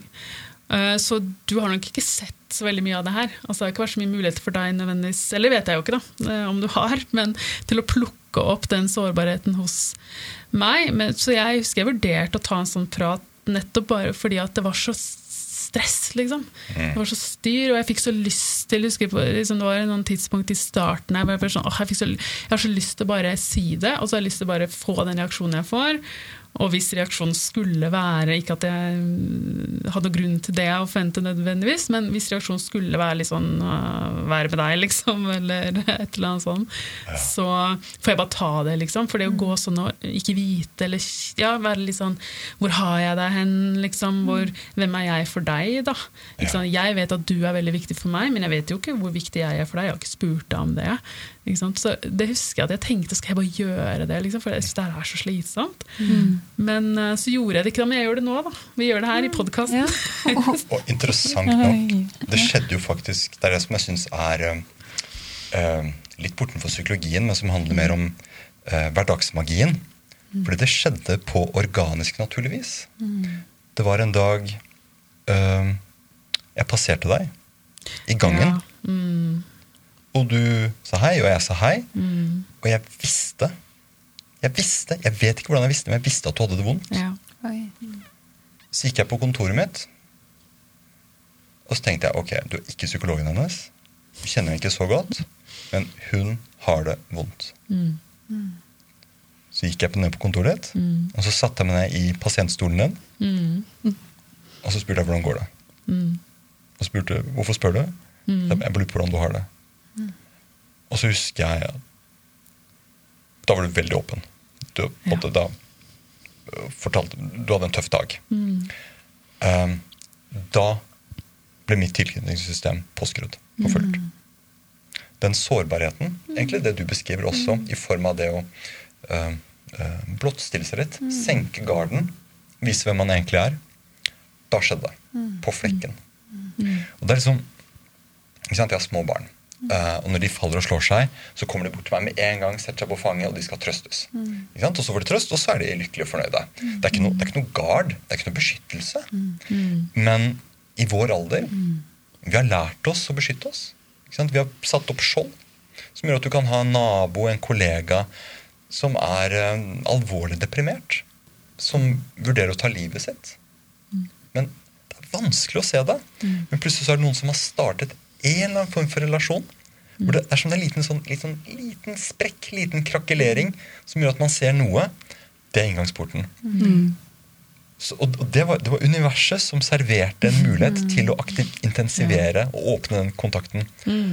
Og fra og med da, og dette er kanskje mest for min del, om du kjenner den fra det, så uavhengig av pandemi og kontakt og hjemmekontor eller kontakt, så har det vært en åpen kanal.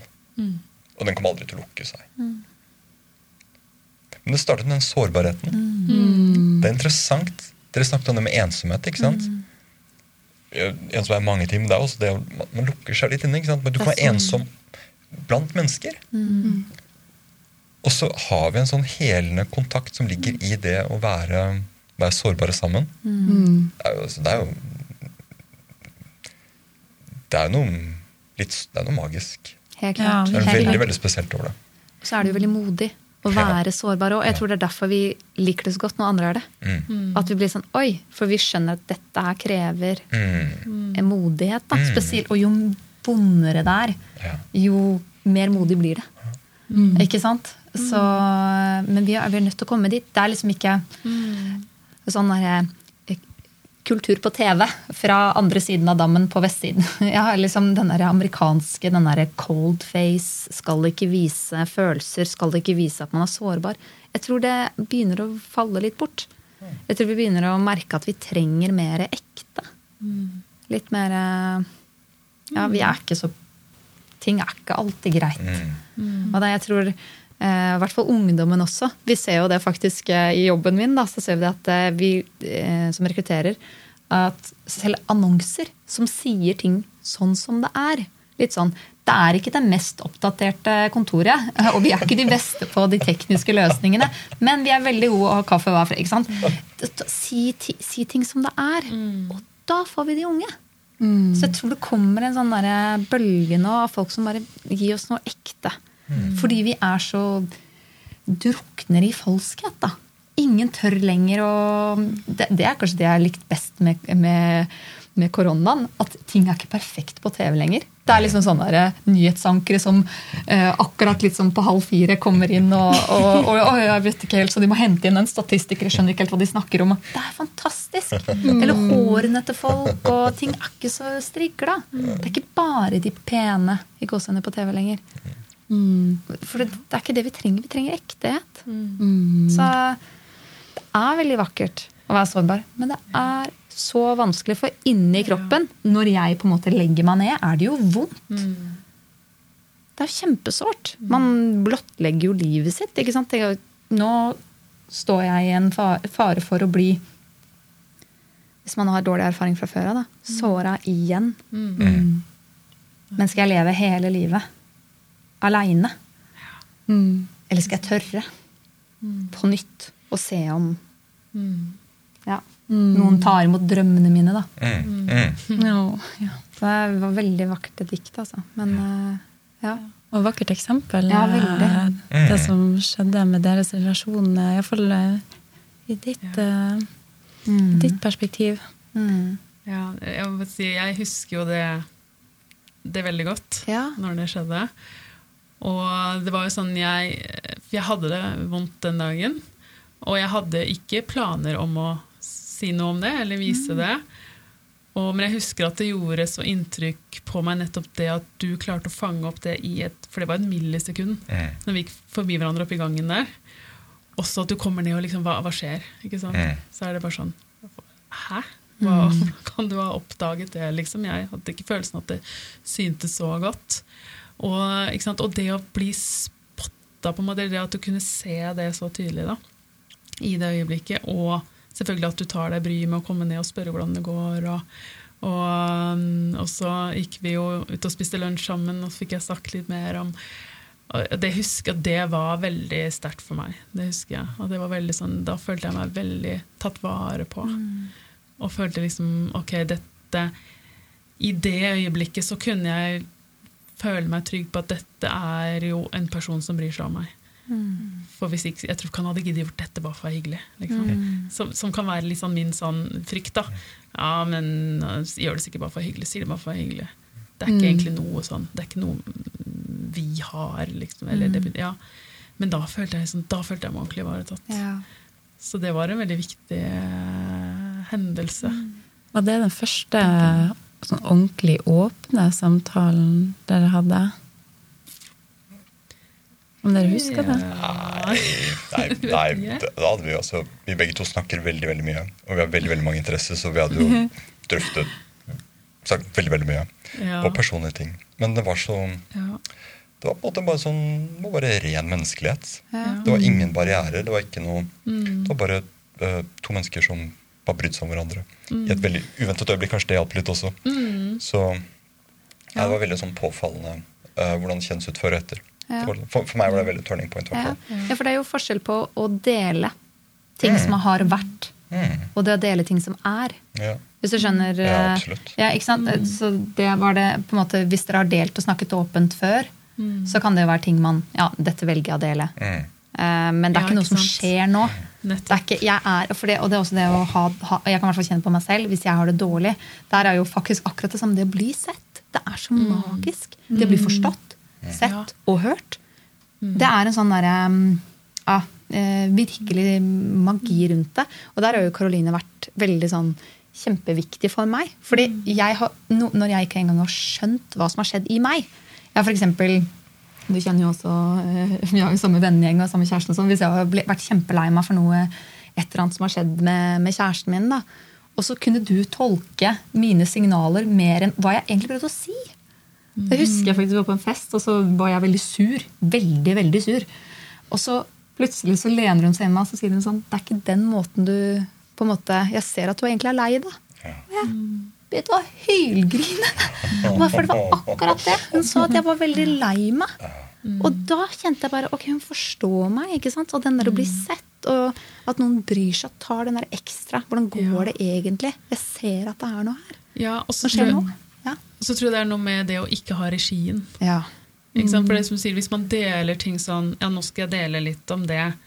Så tar man jo regi. Jeg bestemmer hva jeg skal si, hvor mye Kontroll. jeg skal si. Ja, da har jeg kontroll. Men sånn som i det øyeblikket der, da, den hendelsen der hvor Jonas bare liksom kommer inn på kontoret mitt og setter blikket Jeg husker det blikket ditt som var Du så liksom veldig sånn intens på meg. Og bare sånn Hva, hva skjer? Eller hva, hvordan går det? Eller liksom, et eller annet sånt. Og jeg følte som jeg, jeg, Nå har jeg ingen fluktvei. Liksom. Fordi du står i døra der og stirrer på meg og spør hvordan det går, og det går jo ikke bra. Så, så det var liksom, jeg må bare si det. Ikke sant? Og da hadde jeg jo ikke noe regi. Da var det liksom Eller jeg, det, sånn føltes det i hvert fall. da Jeg kunne jo ha tatt regi og sagt nei, det går fint, men ja, det er ikke helt meg, tror jeg. Og så fikk jeg det ikke helt til heller, for det var så sånn Allerede der så var det ganske sånn sterkt emosjonelt øyeblikk. da At jeg visste at nå ser du meg, liksom, og du har, du har sett at det ikke er bra. Så hvis jeg nå sier nei, det går fint, det, så vil du uansett ikke tro på det. På en måte. Så da, ok, da bare sier jeg det som det er. Det var en ting som, som resonnerte veldig med meg der. Liksom dette med, for Vi har jo snakket om dette med angst, begge to. Og gjennom det ligger det også mye kontroll Ja. og kontrollbehov. Eh, og jeg bare ser den, kanskje hvis man slipper opp mer av kontrollen og lar ting skje mer, så kan man være mer åpen for at andre ser en også. Mm. Eh, eh, jeg kommer i hvert fall til å tenke mer på det her videre, for min egen del. ja. At eh, ja. Ikke så, og det, jeg føler jo, eller For min del så er jo det vi gjør nå, Ja. denne innspillingen her, det er å gi slipp på kontroll. Ja. Fordi vi har ikke forberedt oss Nei. egentlig noe til denne dagen. Um, det har vært veldig sånn, Vi har sagt at vi skal snakke om tilknytning, og, men vi har ikke egentlig forberedt noe mer. Så det er jo liksom kaste seg ut i det. Og bare sånn, ok, Nå skal jeg sitte her, og så skal jeg se Jonas øyne, og så skal jeg si liksom, hvor mye han betyr for meg, og hele den prosessen jeg har hatt. Og så sitter vi og kommer folk til å høre på dette her og sier Ja. jeg har jo ikke anelse om hva som skjer Nei. nå. Jeg vet ikke hva som skjer underveis, vet ikke hva som skjer etterpå. Ja. Men jeg har liksom troen på det du er inne på. da. Slippe kontrollen litt. Og bare Men det, det forutsetter jo kanskje at, at vi har en tillit til at jeg kan håndtere det som kommer. da. Ja. Ikke sant? For i verste fall så kan det jo øh, ta en annen vending enn du ønsker eller tror. Ikke sant? Men litt det der det å bare tørre å kaste seg i det, det krever litt. da. Ja. Men gjør man det, så kan man jo oppleve ting som man ellers ikke ville oppleve hvis man tok regi hele tiden. Så, så det er en sånn, dette er en spennende Ja. erfaring nå, da. Ja, Ja. hvordan tror du dere da at denne samtalen vil påvirke relasjonen, hvis det, hvis det vil gjøre det da? Um, ja, det var, ja, det var et godt spørsmål. Um, um, vi må nesten komme tilbake neste gang og snakke om hvordan dette brakte oss nærmere eller ødela alt sammen. Ja. Ja. ikke du tok ansvar for relasjonen. Du hadde en intensjon om å gjøre den nær. Det gjør veldig mye. Uh, så vi kan tenke litt på hva med de som ikke er så heldige? da? Ja. Hva med de som ikke er så modige? Ja. Eller som har folk rundt seg som er mer beskyttet enn de har en intensjon å åpne. For det er det man møter aller oftest. Og det eh, jeg synes det er sånn, For meg var dette ny informasjon før jeg ble psykolog.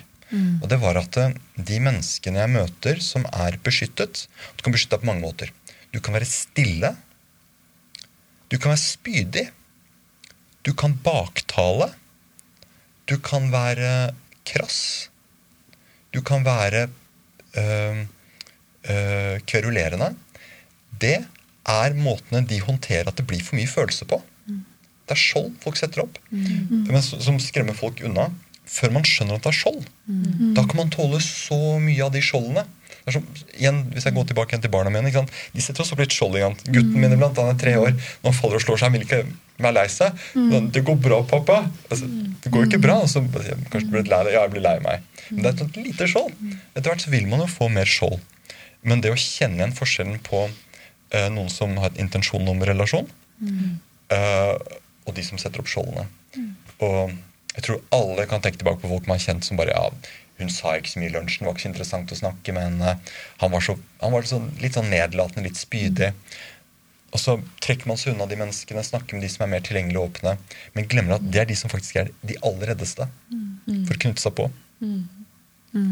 Og den kunnskapen her skulle ønske jeg hadde før i livet mitt. Jeg kan kjenne det veldig igjen. Jeg satt og tenkte på en episode som skjedde med meg nå nylig. Og det var at jeg var, følte meg såra for noe. Um, Det var snakk om eh, meg og en annen nær person. da. Eh, Det var noe som jeg var såra av. Og det første jeg hadde lyst til å gjøre, var egentlig å straffe den personen. Jeg kjente det behovet Ja. for å gi det samme, samme Overføre den samme følelsen tilbake igjen. Og det her er jo en person som betyr veldig mye for meg. Så jeg måtte ta meg i det og kjenne liksom, ok, hva det er jeg gjør nå. Hva vil jeg egentlig ha av det her? For det var jo smertefullt å stå i det også. Jeg visste at gjør jeg det, så vil det skape enda større avstand. Men ønsket mitt er egentlig å komme nær nå. Selv om du har såra meg, så vil jeg egentlig bare ha en klem hos deg. Jeg vil bare at vi skal bli venner og få komme tilbake dit vi egentlig er. Men hvor vanskelig det var, og da skulle jeg uttrykke det at jeg, det her syns jeg ikke var greit, men akkurat nå så vil jeg bare at du tar rundt meg og gir meg en klem. Og det slo meg liksom at oi, hvor mange ganger har ikke jeg brukt den forsvarsmekanismen der hvor jeg har straffa tilbake, om det ikke har vært eksplisitt, så har det kanskje vært likevel subtile ting, eller blitt kald på et eller annet vis. Og jeg syns det var litt sånn, fint å bli bevisst på det. Hvor godt det var å bare kunne si det. Akkurat det jeg trengte, akkurat det jeg følte, uten å, å måtte ta på meg noe hard maske eller mm. Men at det er litt sånn som du sier, om jeg kunne ikke jeg bare gjort det så mye tidligere, egentlig. Hvor mye vanskelig jeg har gjort det for meg sjøl så mange andre ganger. Men det er jo veldig vanskelig. Jeg kjenner meg også igjen. Vi har jo sånn regel hjemme hos, hos oss. Rett og slett for jeg er så dårlig når vi krangler. da, For jeg blir så inneslutta. Min måte å beskytte meg på er bare å liksom ikke si noe. Og liksom bare bli litt sånn Nei, jeg, jeg rett og slett ikke gjøre så mye, kanskje. Men da har jeg sånn at eh, jeg vet, eller har forstått, at det jeg sender ut, er kulde eh, og avstand. Men det eneste jeg vil ha, er kos og klem. Ja. Så da har jeg liksom eh, måttet si det eksplisitt. At eh, når jeg Det er aldri feil å gi meg klem. Selv om du tror jeg kommer kanskje til å liksom, kanskje, du- for I starten tror jeg kanskje du skal slå meg. Kanskje, liksom, for jeg tør jeg virkelig å gå nær dette veldig kalde her, som sier 'kom deg unna'. Og så har jeg vel Nei, jeg vil faktisk Det er aldri feil å gi meg klem. Det er aldri feil å å kose. Og selv om ikke jeg gjør det tilbake, igjen, så er det bare fordi jeg er svak. Ikke sant? Det klarte å uttrykke i hvert fall det. Det betyr svakhet hos meg. Og den mestringsfølelsen, å klare mens hele kroppen sier 'nå har jeg lyst til å straffe', 'nå har jeg lyst til å være stille', men så sier jeg heller at jeg er veldig lei meg, eller nå er jeg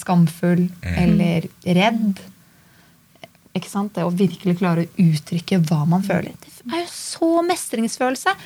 I tillegg til at den personen som står rett på andre sida av deg, forstår hva du prøver å Ja. si. Og møter deg på det. Ja. Og sier sånn 'Å ja, men jeg vil jo ikke at du skal være redd', eller 'jeg vil jo ikke at du skal være lei deg', eller 'jeg vil jo ikke at du skal skamme deg'. Og så, klar, og så kommer du fortere ut av det. Men da du skal jobbe hardt. For hele kroppen er laget av disse rare forsvarsmekanismene som ikke fungerer. Ja. Eh, Og man ser det på andre. Det er så vanskelig selv. Mm. ja. det er jo det fordi det er veldig sårbart Det er det. sant, å gjøre det, selv om vi vet vi burde, på en måte, eller kan forstå at vi burde. da. Og sånn for min egen del så kan jeg i hvert fall si at jeg hadde nok ikke tatt initiativ til denne podkasten for et års tid siden. For eksempel. Fordi at da var nok eh, Vi kan si at nå sitter jeg jo her og er veldig åpen og deler og, og, og syns det går bra. Men på det tidspunktet så hadde jeg ikke gjort det, tror jeg. Da var jeg nok mye mer sånn var, da. På det, Ja. og kjente på den beskyttelsen. Ikke sant? Det at jeg orker ikke å Til Jonas. Ja. Mm. Ja. At, ja, at jeg eh, Ja, jeg vil på en måte ikke høre. Eh, Nei. Jeg vil ikke liksom putte det ut der og få en tilbakemelding. For jeg, Ja. eh, Fortsatt orker usikkert, liksom. Ja. Ja. Mm. Ja. Så det tok ganske lang tid. Selv om jeg hadde tatt det steget, da, som jeg gjorde, og, og vist liksom at hei, jeg ønsker å ha en relasjon, og blitt møtt på det. Og også etter den episoden som du snakker om, da, hvor vi liksom hadde et veldig sånn nært øyeblikk, så var jeg fortsatt der.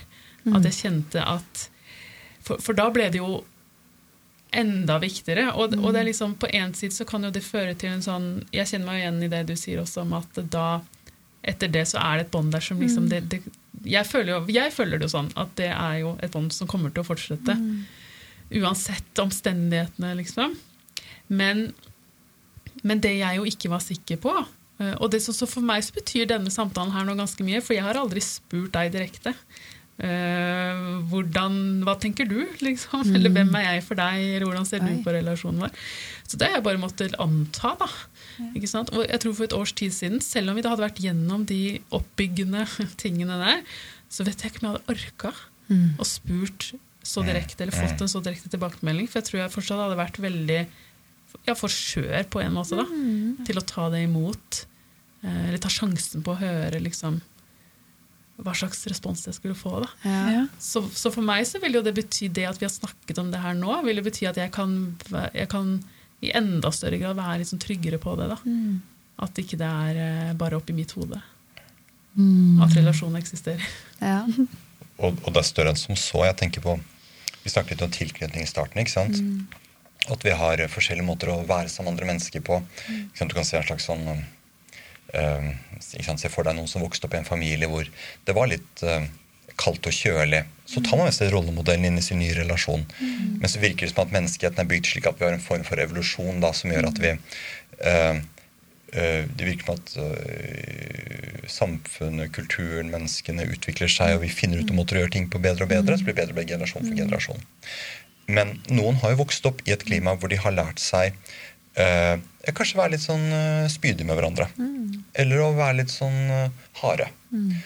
Så man har med seg rollemodeller som man tar med seg inn i nye relasjoner, i parforholdet, på nye arbeidsplasser, med venner. Men eh, det du beskriver, er jo også at eh, du er en rollemodell, du også. På den gode siden. På lysets rollemodell. Som viser at dette er mulig. Det kan være det ikke går bra, det kan være det går bra, men det er mulig å gjøre det likevel. Yes. Og den rollemodellen tror jeg betyr så mye mer enn det å sende ut brosjyrer til Norges befolkning om at snakke litt om følelser, vis hvem du er, vær sårbar. Det er som å ha barn. ikke sant? Det ene er hvordan du snakker til barna, forteller hvordan de skal leve. Det andre er hvordan er det du oppfører deg overfor din partner foran barna. hvordan oppfører du overfor barna. Det, rollemodellbiten, er så stor. Så det du gjør nå, er altså mye, mye større enn deg.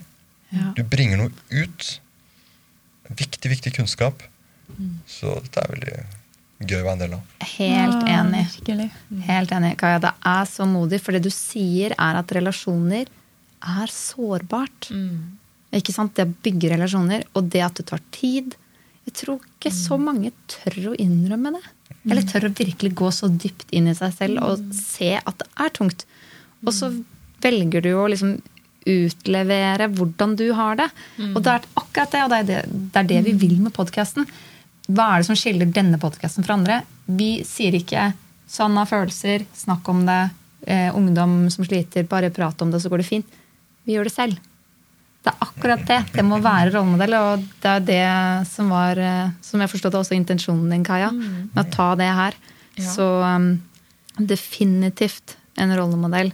Mm. Uh, uh, så ja, nei, virkelig. Det er uh, utrolig stort, altså. Og modig. Ja. Ja, det er veldig fint å høre. Jeg, jeg tenker jo For det er noe med det altså Jeg kjenner jo på det nå når vi sitter her og snakker Ja. om det. Hva føler du, da? At eh, jeg har en sånn Hvis jeg går litt sånn inn og kjenner inn i kroppen nå, så er det litt sånn Jeg har litt vondt i magen. Ja. Ja. Jeg, jeg kjenner liksom at det ligger der. ja. Eh, sånn at dette er jo noe som fortsatt er sårbart for meg. da. Selv om det, har, det går bedre nå enn det gjorde for et halvt år siden, for et år siden. Ja. Tilbake til da vi liksom etablerte en relasjon. Så er det fortsatt sårbart.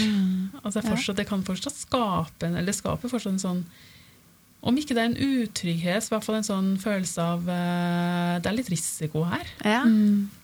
Så, så det er jo veldig levende, selv om nå har jeg kommet til et nivå på en måte hvor jeg kan tåle det. Det blir jo ikke for mye. Nei. Liksom. Men det er fortsatt der. Ja. Eh, nettopp som en sånn ja, sårbarhetsfølelse. Så, så jeg opplever i hvert fall at nå eh, deler jeg noe som er veldig aktivt, eller aktuelt. Altså, det er ikke sånn at for ti år siden var det sånn. Når når jeg snakket om at jeg hadde, har hatt en angstlidelse, f.eks., så er det, liksom, det er ti år siden. Ja. Så, så noen har jo sagt at det er så modig å dele det, og så tenker jeg nei, er det så modig? Altså, det er jo ikke sårbart for meg å snakke om. Altså, det har jeg veldig avslappa forhold til, på en Ja. måte. og kan eh, tenker det kan være verdifullt kanskje at jeg deler Mm. liksom, hvordan det var for meg. Og. Men det er da. Det er ikke sårbart nå. Dette er sårbart nå.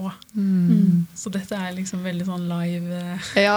Vi har alle vært der. Vi har delt hver vår sårbare ting. skjønner du. Ja, ting Så som skjer nå. Mm. Ja, så kroppen min, den er ikke sånn eh, Den er ikke veldig Men den er ikke helt rolig. Eller, jeg kjenner jo liksom at det Men det, du sa frykt. Mm. Er det andre følelser du liksom definerer Klarer å liksom kjenne på hvordan det er? Ja, altså det er liksom Eller tanker, eller Ja, det er jo mye. Altså du kan si den, altså den grunnleggende utgangspunktfølelsen da, Ja. i denne relasjonen og her, og hvis jeg, hvis jeg liksom ser på Jonas, da, Mm. så han sitter overfor meg, så er sånn, grunnfølelsen er jo kjærlighet. Mm. At jeg kjenner liksom dette er et menneske jeg virkelig er glad i, og virkelig liker veldig godt, og ha en sterk tilknytning til. Mm. Eh, men så er det er et element av frykt. Ja. Det er fortsatt det. ja. At det er, litt sånn, det er aktiverende. på en måte. Det er, liksom, det er ikke bare rolig og, og godt. Mm. Det er også litt sånn der, det sitrer litt altså på en sånn på en liksom fryktmåte. da. Mm. At det er liksom sånn Ja, ved å erkjenne dette her, og ved å gjøre det så virkelig, så er det fortsatt Tenk om det Mm. og, og selv om du sier ikke sant, at ja, vi har jo et bånd, og, og liksom bekrefter de tingene, så er det fortsatt sånn Men tenk om det blir borte, da. Ja. En dag, liksom. ja, det, det, så det er litt sånn Ja. litt sånn rart, på en måte. Jeg tror, jeg tror ikke nødvendigvis jeg hadde hatt det så tydelig sånn før. Jeg tror det er liksom noe som har kommet litt etter hvert. Ja. Etter å ha vært gjennom noen litt vanskelige opplevelser. Da. Det fortsatt er en sånn Den sterke kjærlighetsfølelsen er liksom, den har en annen side ved seg, og det er den derre frykt. Mm. Dette kan jo gå gærent. Mm. Det har jo gått gærent. ja, ikke sant? Ikke sant? Man har jo erfart det. Mm. Hvordan er det for deg da, Jonas, å høre Kaja sitte og fortelle uh, så ja, det er mange sider av meg samtidig. Måtte, uh, psykologen i meg tenker jo at uh, uh, det er helt naturlig at uh, den uh, usikkerheten ikke gir seg med det første.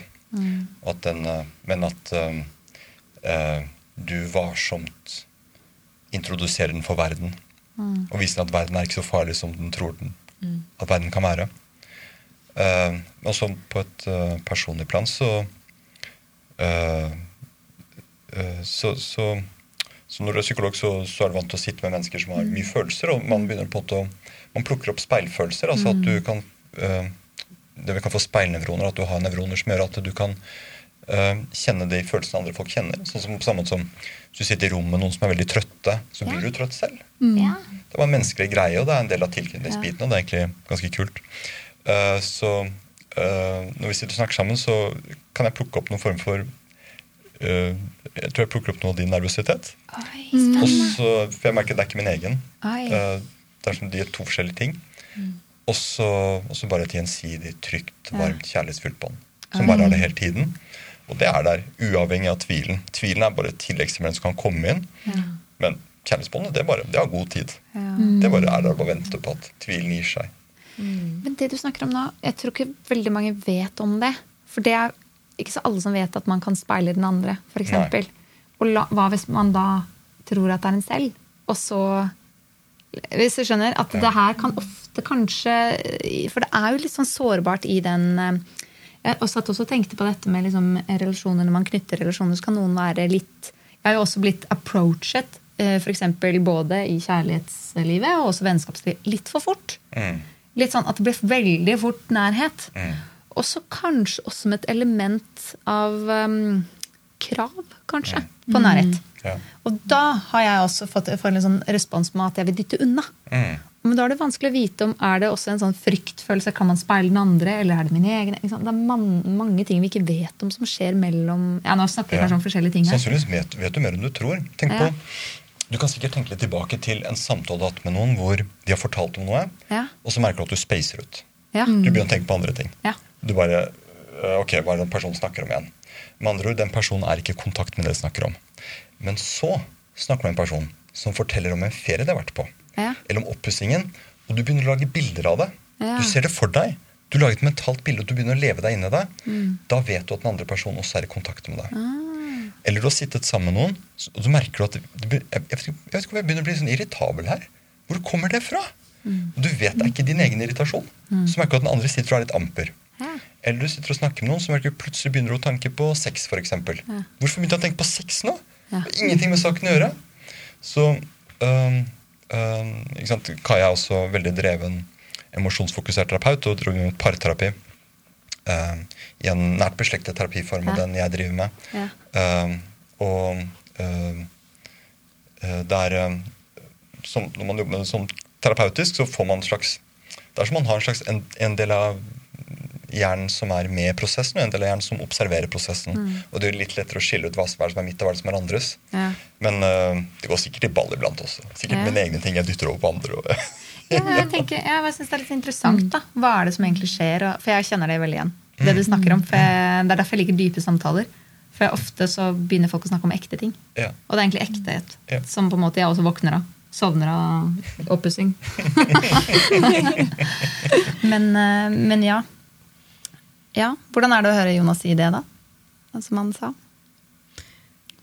Ja, nei, altså for meg så er det jo liksom Jeg har jo brukt nå ett og et halvt år, da, cirka, på å lete etter bekreftelser. Ja. Eh, dette fordi at jeg ikke har ikke sant, liksom, Vi snakket om at er man i en annen relasjon med mer tydelige rammer, så, eh, så, så kan, er det mer naturlig å spørre litt sånn hvor står vi, eh, hvem er vi, hvem er vi for hverandre? Og, og det å være i et parforhold for eksempel, er jo å bli valgt. Mm. ikke sant? Sånn at Det kan være mye utrygghet der òg, men da blir du iallfall valgt, og det er så tydelig. og sånn. Mm. og siden man ikke gjør det like mye i vennskap, da, så blir det jo en sånn hele tiden Eller jeg kan i hvert fall da, og særlig i et vennskap som jeg ønsker veldig sterkt, så kan jeg være litt sånn at jeg, hele, så jeg er litt sånn på Ikke på vakt, kanskje, men ute etter å se uh, hvordan kan jeg, hvilke signaler kan jeg ta imot som er en bekreftelse på at den andre personen også uh, er på samme sted, da, eller i hvert fall ønsker en relasjon, og liksom hvor, hvor er vi hen? Så, så, så for meg så er det jo veldig sånn Ja, det er veldig fint å høre ord, og jeg er glad i ord, da. Sant? For det er, jo også, det er jo også et fenomen som heter kjærlighetsspråk. Og det er kanskje noe som mange kjenner til, da, at vi har ulike måter vi både viser og tar imot kjærlighet på. Og en av de kjærlighetsspråkene er jo ord. Sant? At man sier med ord 'jeg er glad i deg', eller 'du betyr noe for meg'. Um, og så kan det være andre ting òg. Tid man bruker på hverandre, eller ting man gjør for hverandre. Gaver. Mm. Og fysisk nærhet det er jo mer kanskje i parforhold, men også i vennskap. selvfølgelig, At man kan liksom, ta på hverandre og gi hverandre klemmer. Og sånn. Og for meg så er ord veldig viktig. da. Så det å liksom høre ordene 'du betyr noe for meg' i ulike varianter, det er noe som, som en måte jeg kan ta imot kjærlighet på. da. Eh, og det er jo sånn man ikke gjør så mye nødvendigvis i et vennskap. at Man, sånn, man går ikke rundt og sier 'å, jeg er så glad i deg' hele tiden. nødvendigvis. Eller, eller ja, det, noen ganger gjør man jo det. Jeg gjør det. Men, eh, ja, ja, ja, og det er fint. Altså, jeg syns jo det er veldig Ja. fint. Jeg er jo en Vi matcher. Som, vi, jeg tror vi matcher veldig godt. Eh, jeg liker jo det. Mm. Få høre de ordene. Uh, rett ut. Mm. Og det andre kjærlighetsspråket mitt er for øvrig tid. Så tid og ord Mm. er veldig sånn å se at den andre bruker tid på meg. mm. og høre ord. Og, og, det, så det som Jonas gjør nå, er jo at først, han bruker jo tid på meg, eller i hvert fall på mitt min invitasjon i sin travle hverdag. Så kommer han hit og sitter her og prater om, om eh, noe som jeg har invitert til. Og så sier du jo også med ord at denne relasjonen også betyr noe for deg. Da. Så det, er, det betyr veldig mye for meg. Så da får jeg liksom mitt kjærlighetsspråk eh, anvendt. Fremfor at jeg trenger å lete litt sånn mm, Hvordan skal jeg tolke det, eller hvordan Ja. Sånn som jeg ellers kan begynne å gjøre, da. Mm. Når det ikke er så åpenbare signaler, kanskje, for meg. Bra. Jeg tenker sånn til avslutning, eller til oppsummering, så kanskje du kan si noe om hvordan kan vi da håndtere og formidle typiske vanskelige følelser i nære relasjoner. Eksempel hvis du har da mer behov for mer trygghet, da. Det er jo et eksempel. Hva kan man gjøre, da? Hvis man ønsker å komme nærmere. Hva gjør vi? Ja, én ting er jo bare si det, da. Ja, vi men det snakker sånn er jo. Ja. enklere sagt enn gjort Ja. noen ganger. Men det er jo tilbake til det å tørre å være sårbar. Og kjenne hva er intensjonen min i det her? Hva, hva vil jeg med den relasjonen? Jeg tror i hvert fall det er veldig viktig å stille seg det spørsmålet eh, når man kjenner på de her tingene som kan være vanskelig å, å ta opp eller formidle. og ja, At man eh, jobber med de her blokkeringene. At eh, jeg syns det er fint å, i hvert fall for min del, bli bevisst på intensjonen jeg har med det her. Vil jeg komme nærmere? Og hva er virkemidlene da? Og hvis jeg gjør det her, hva skjer da? Jo, da bringer det kanskje mer avstand inn. Så bevisstgjør meg sjøl på hva handlingene mine vil gjøre med relasjonen. Jeg velger å lene meg framover. Fordi jeg, jeg vil komme deg nær. Og det å være sårbar òg er en veldig fin måte å komme nær. Det å tørre å være ærlig. Der er du veldig god med dette med Husker du fortalte meg første gang du ble eh, sjalu? Ja. eh, fordi man hang med en annen venninne eller noe sånt. nå. Og, og det, bare i det, det er sånn Ja, det er greit å snakke om. Og da tenkte jeg ja, jeg også blir jo litt sjalu. og det, er ikke noe, det betyr jo ikke at nå skal, har hun rett til å kontrollere, eller, men bare til å snakke om det. Og da plutselig så kom den der bekreftelsen. Jeg trengte egentlig Oi, da betyr det at du også vil være nær. Og, og så kom han litt nærmere. Og det å tørre å snakke om det og, uten å kreve noe av den andre, men bare si sånn har jeg det. Eh, men jeg vil være nær. Hva, er det noe jeg gjør gærent nå? Eh, går jeg for fort fram? Går jeg for sakte? Litt den. Denne perioden her syns jeg er vanskelig. Hva skal jeg gjøre? Hva skal til? Hadde noen sagt det til meg? Herregud, for en kul person, tenker jeg. Hvis det noen hadde sagt 'jeg vil være vennen din', hva skal til? ja. Hvorfor gjør vi ikke mer i det? Jeg tror, jeg, Hvis jeg prøver å si noe fortrinnsvis noe klokt om det, så eh, tror jeg at For jeg er enig i det dere sier om at eh, bare si det. Ja. Ikke sant? Det å faktisk vise seg da, som man er, og si hvordan ting er. Men så er det veldig mange grunner som, til at det kan være vanskelig.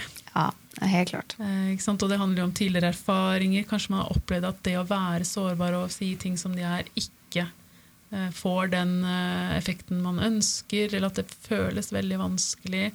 Eller at man ikke er klar over hva man trenger, eller hvorfor man føler som man gjør, eller ehm, Ja, liksom har eh, forskjellige grunner til at det er vanskelig, da. Det er Ja. noen sånne stengsler der. Ja.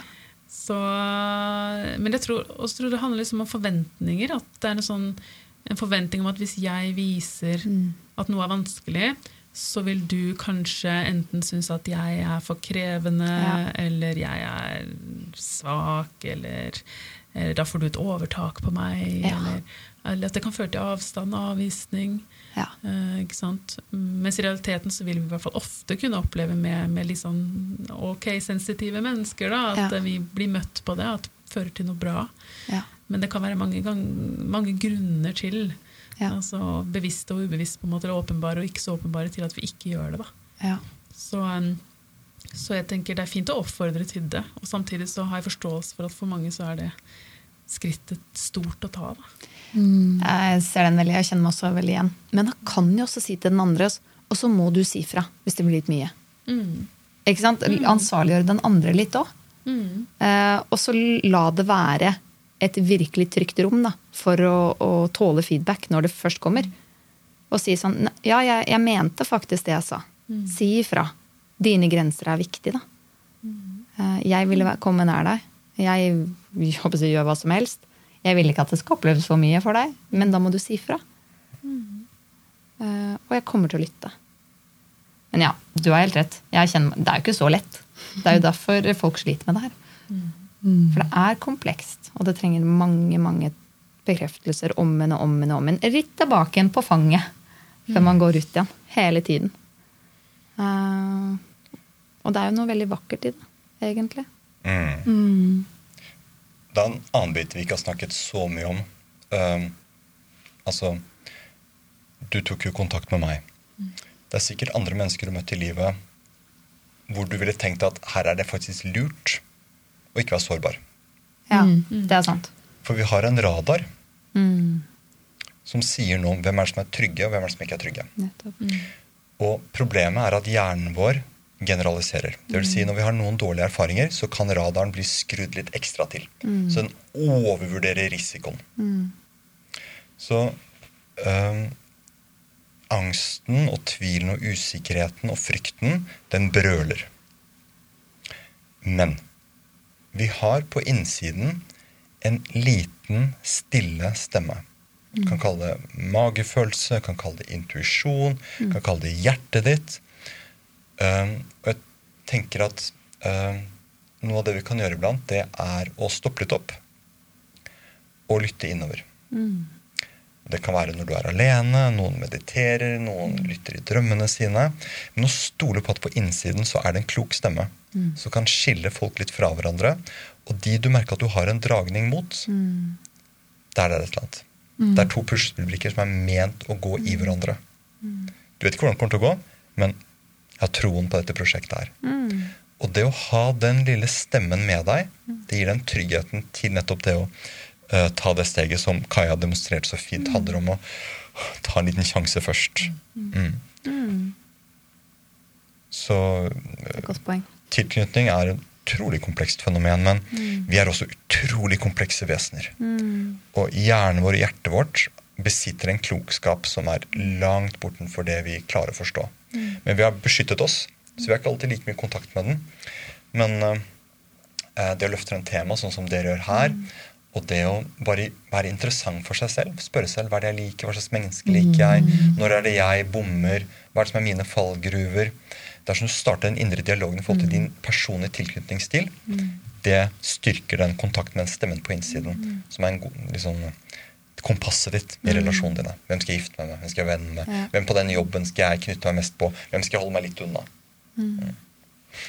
Åh, det var fin eh, avrunding, syns jeg. Absolutt. Absolutt. Tusen hjertelig takk. for Tusen at, hjertelig eh, takk.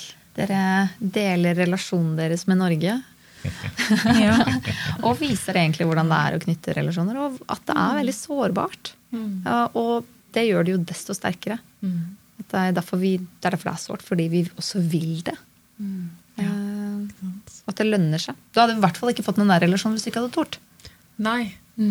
Og det er kanskje siste, vi kan se Ja. siste ord inn Ja, her, da. gjør det. Så er liksom mitt budskap er jo kanskje nå at det som kan vente på andre siden Mm. av å ta den sjansen, er jo noe veldig fint. Ja. Ja. Sånn som, som du aldri ville vært foruten da, hvis du Ja. kommer dit. Mm. Så det er noe med at det er høy risiko på en måte, og det Mm. er uh, mye sårbarhet involvert, men det er jo nettopp fordi det er så betydningsfullt. Ja. Og så viktig, og det gir livet virkelig innhold og mening. Det er i hvert fall min opplevelse. da. Absolutt. Det å tørre Lite innsalg til tilknytning. ja, Tørr og tørr igjen. Eh, rett og slett være modig. Det er da man får utbytte. Og man får ingenting hvis man ikke tør. Nei, det blir jo litt Så sånn. man må tørre. Og lytte selvfølgelig indre kompasset. Mm. Det er ikke alle man skal være sårbare mot. selvfølgelig. Eller for. Bra. Tusen takk.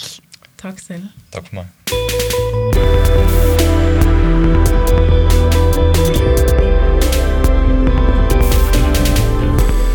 Da har vi akkurat sagt ha det til Kaja og Jonas. Ja, vi har det. Og sitter og tar inn over oss eh, hvordan den eh, episoden her var, eller denne innspillinga her var. Ja. Hva tenker du, Marita? Nei, jeg sitter bare igjen og tenker på hvor modig Kaja er. Jeg så jo på slutten at det var, var veldig sårbart, eh, det hun gjorde nå. At det var veldig sånn ekte. Og det skjedde her og nå. Eh, og det igjen får meg til å reflektere over dette med at når man er eh, sårbar så kan, og litt redd, så kan man ofte føle seg litt liten. Men bare hvor innmari liksom, stort menneske Kaja blir da, når hun tør å være så sårbar. Så det, det er litt sånn kontrastene med av hva man sikkert føler selv, og hvordan man uh, synes utad. da. Så Kaja bare vokser og vokser. og Jeg syns det var innmari modig, det hun gjorde i dag. Jeg er helt enig. En inspirasjon, virkelig. Så det her eh, ga drivstoff eh, på min tanke, sårbarhetstank, for å si det sånn. Absolutt. Takk for oss. Takk for i dag.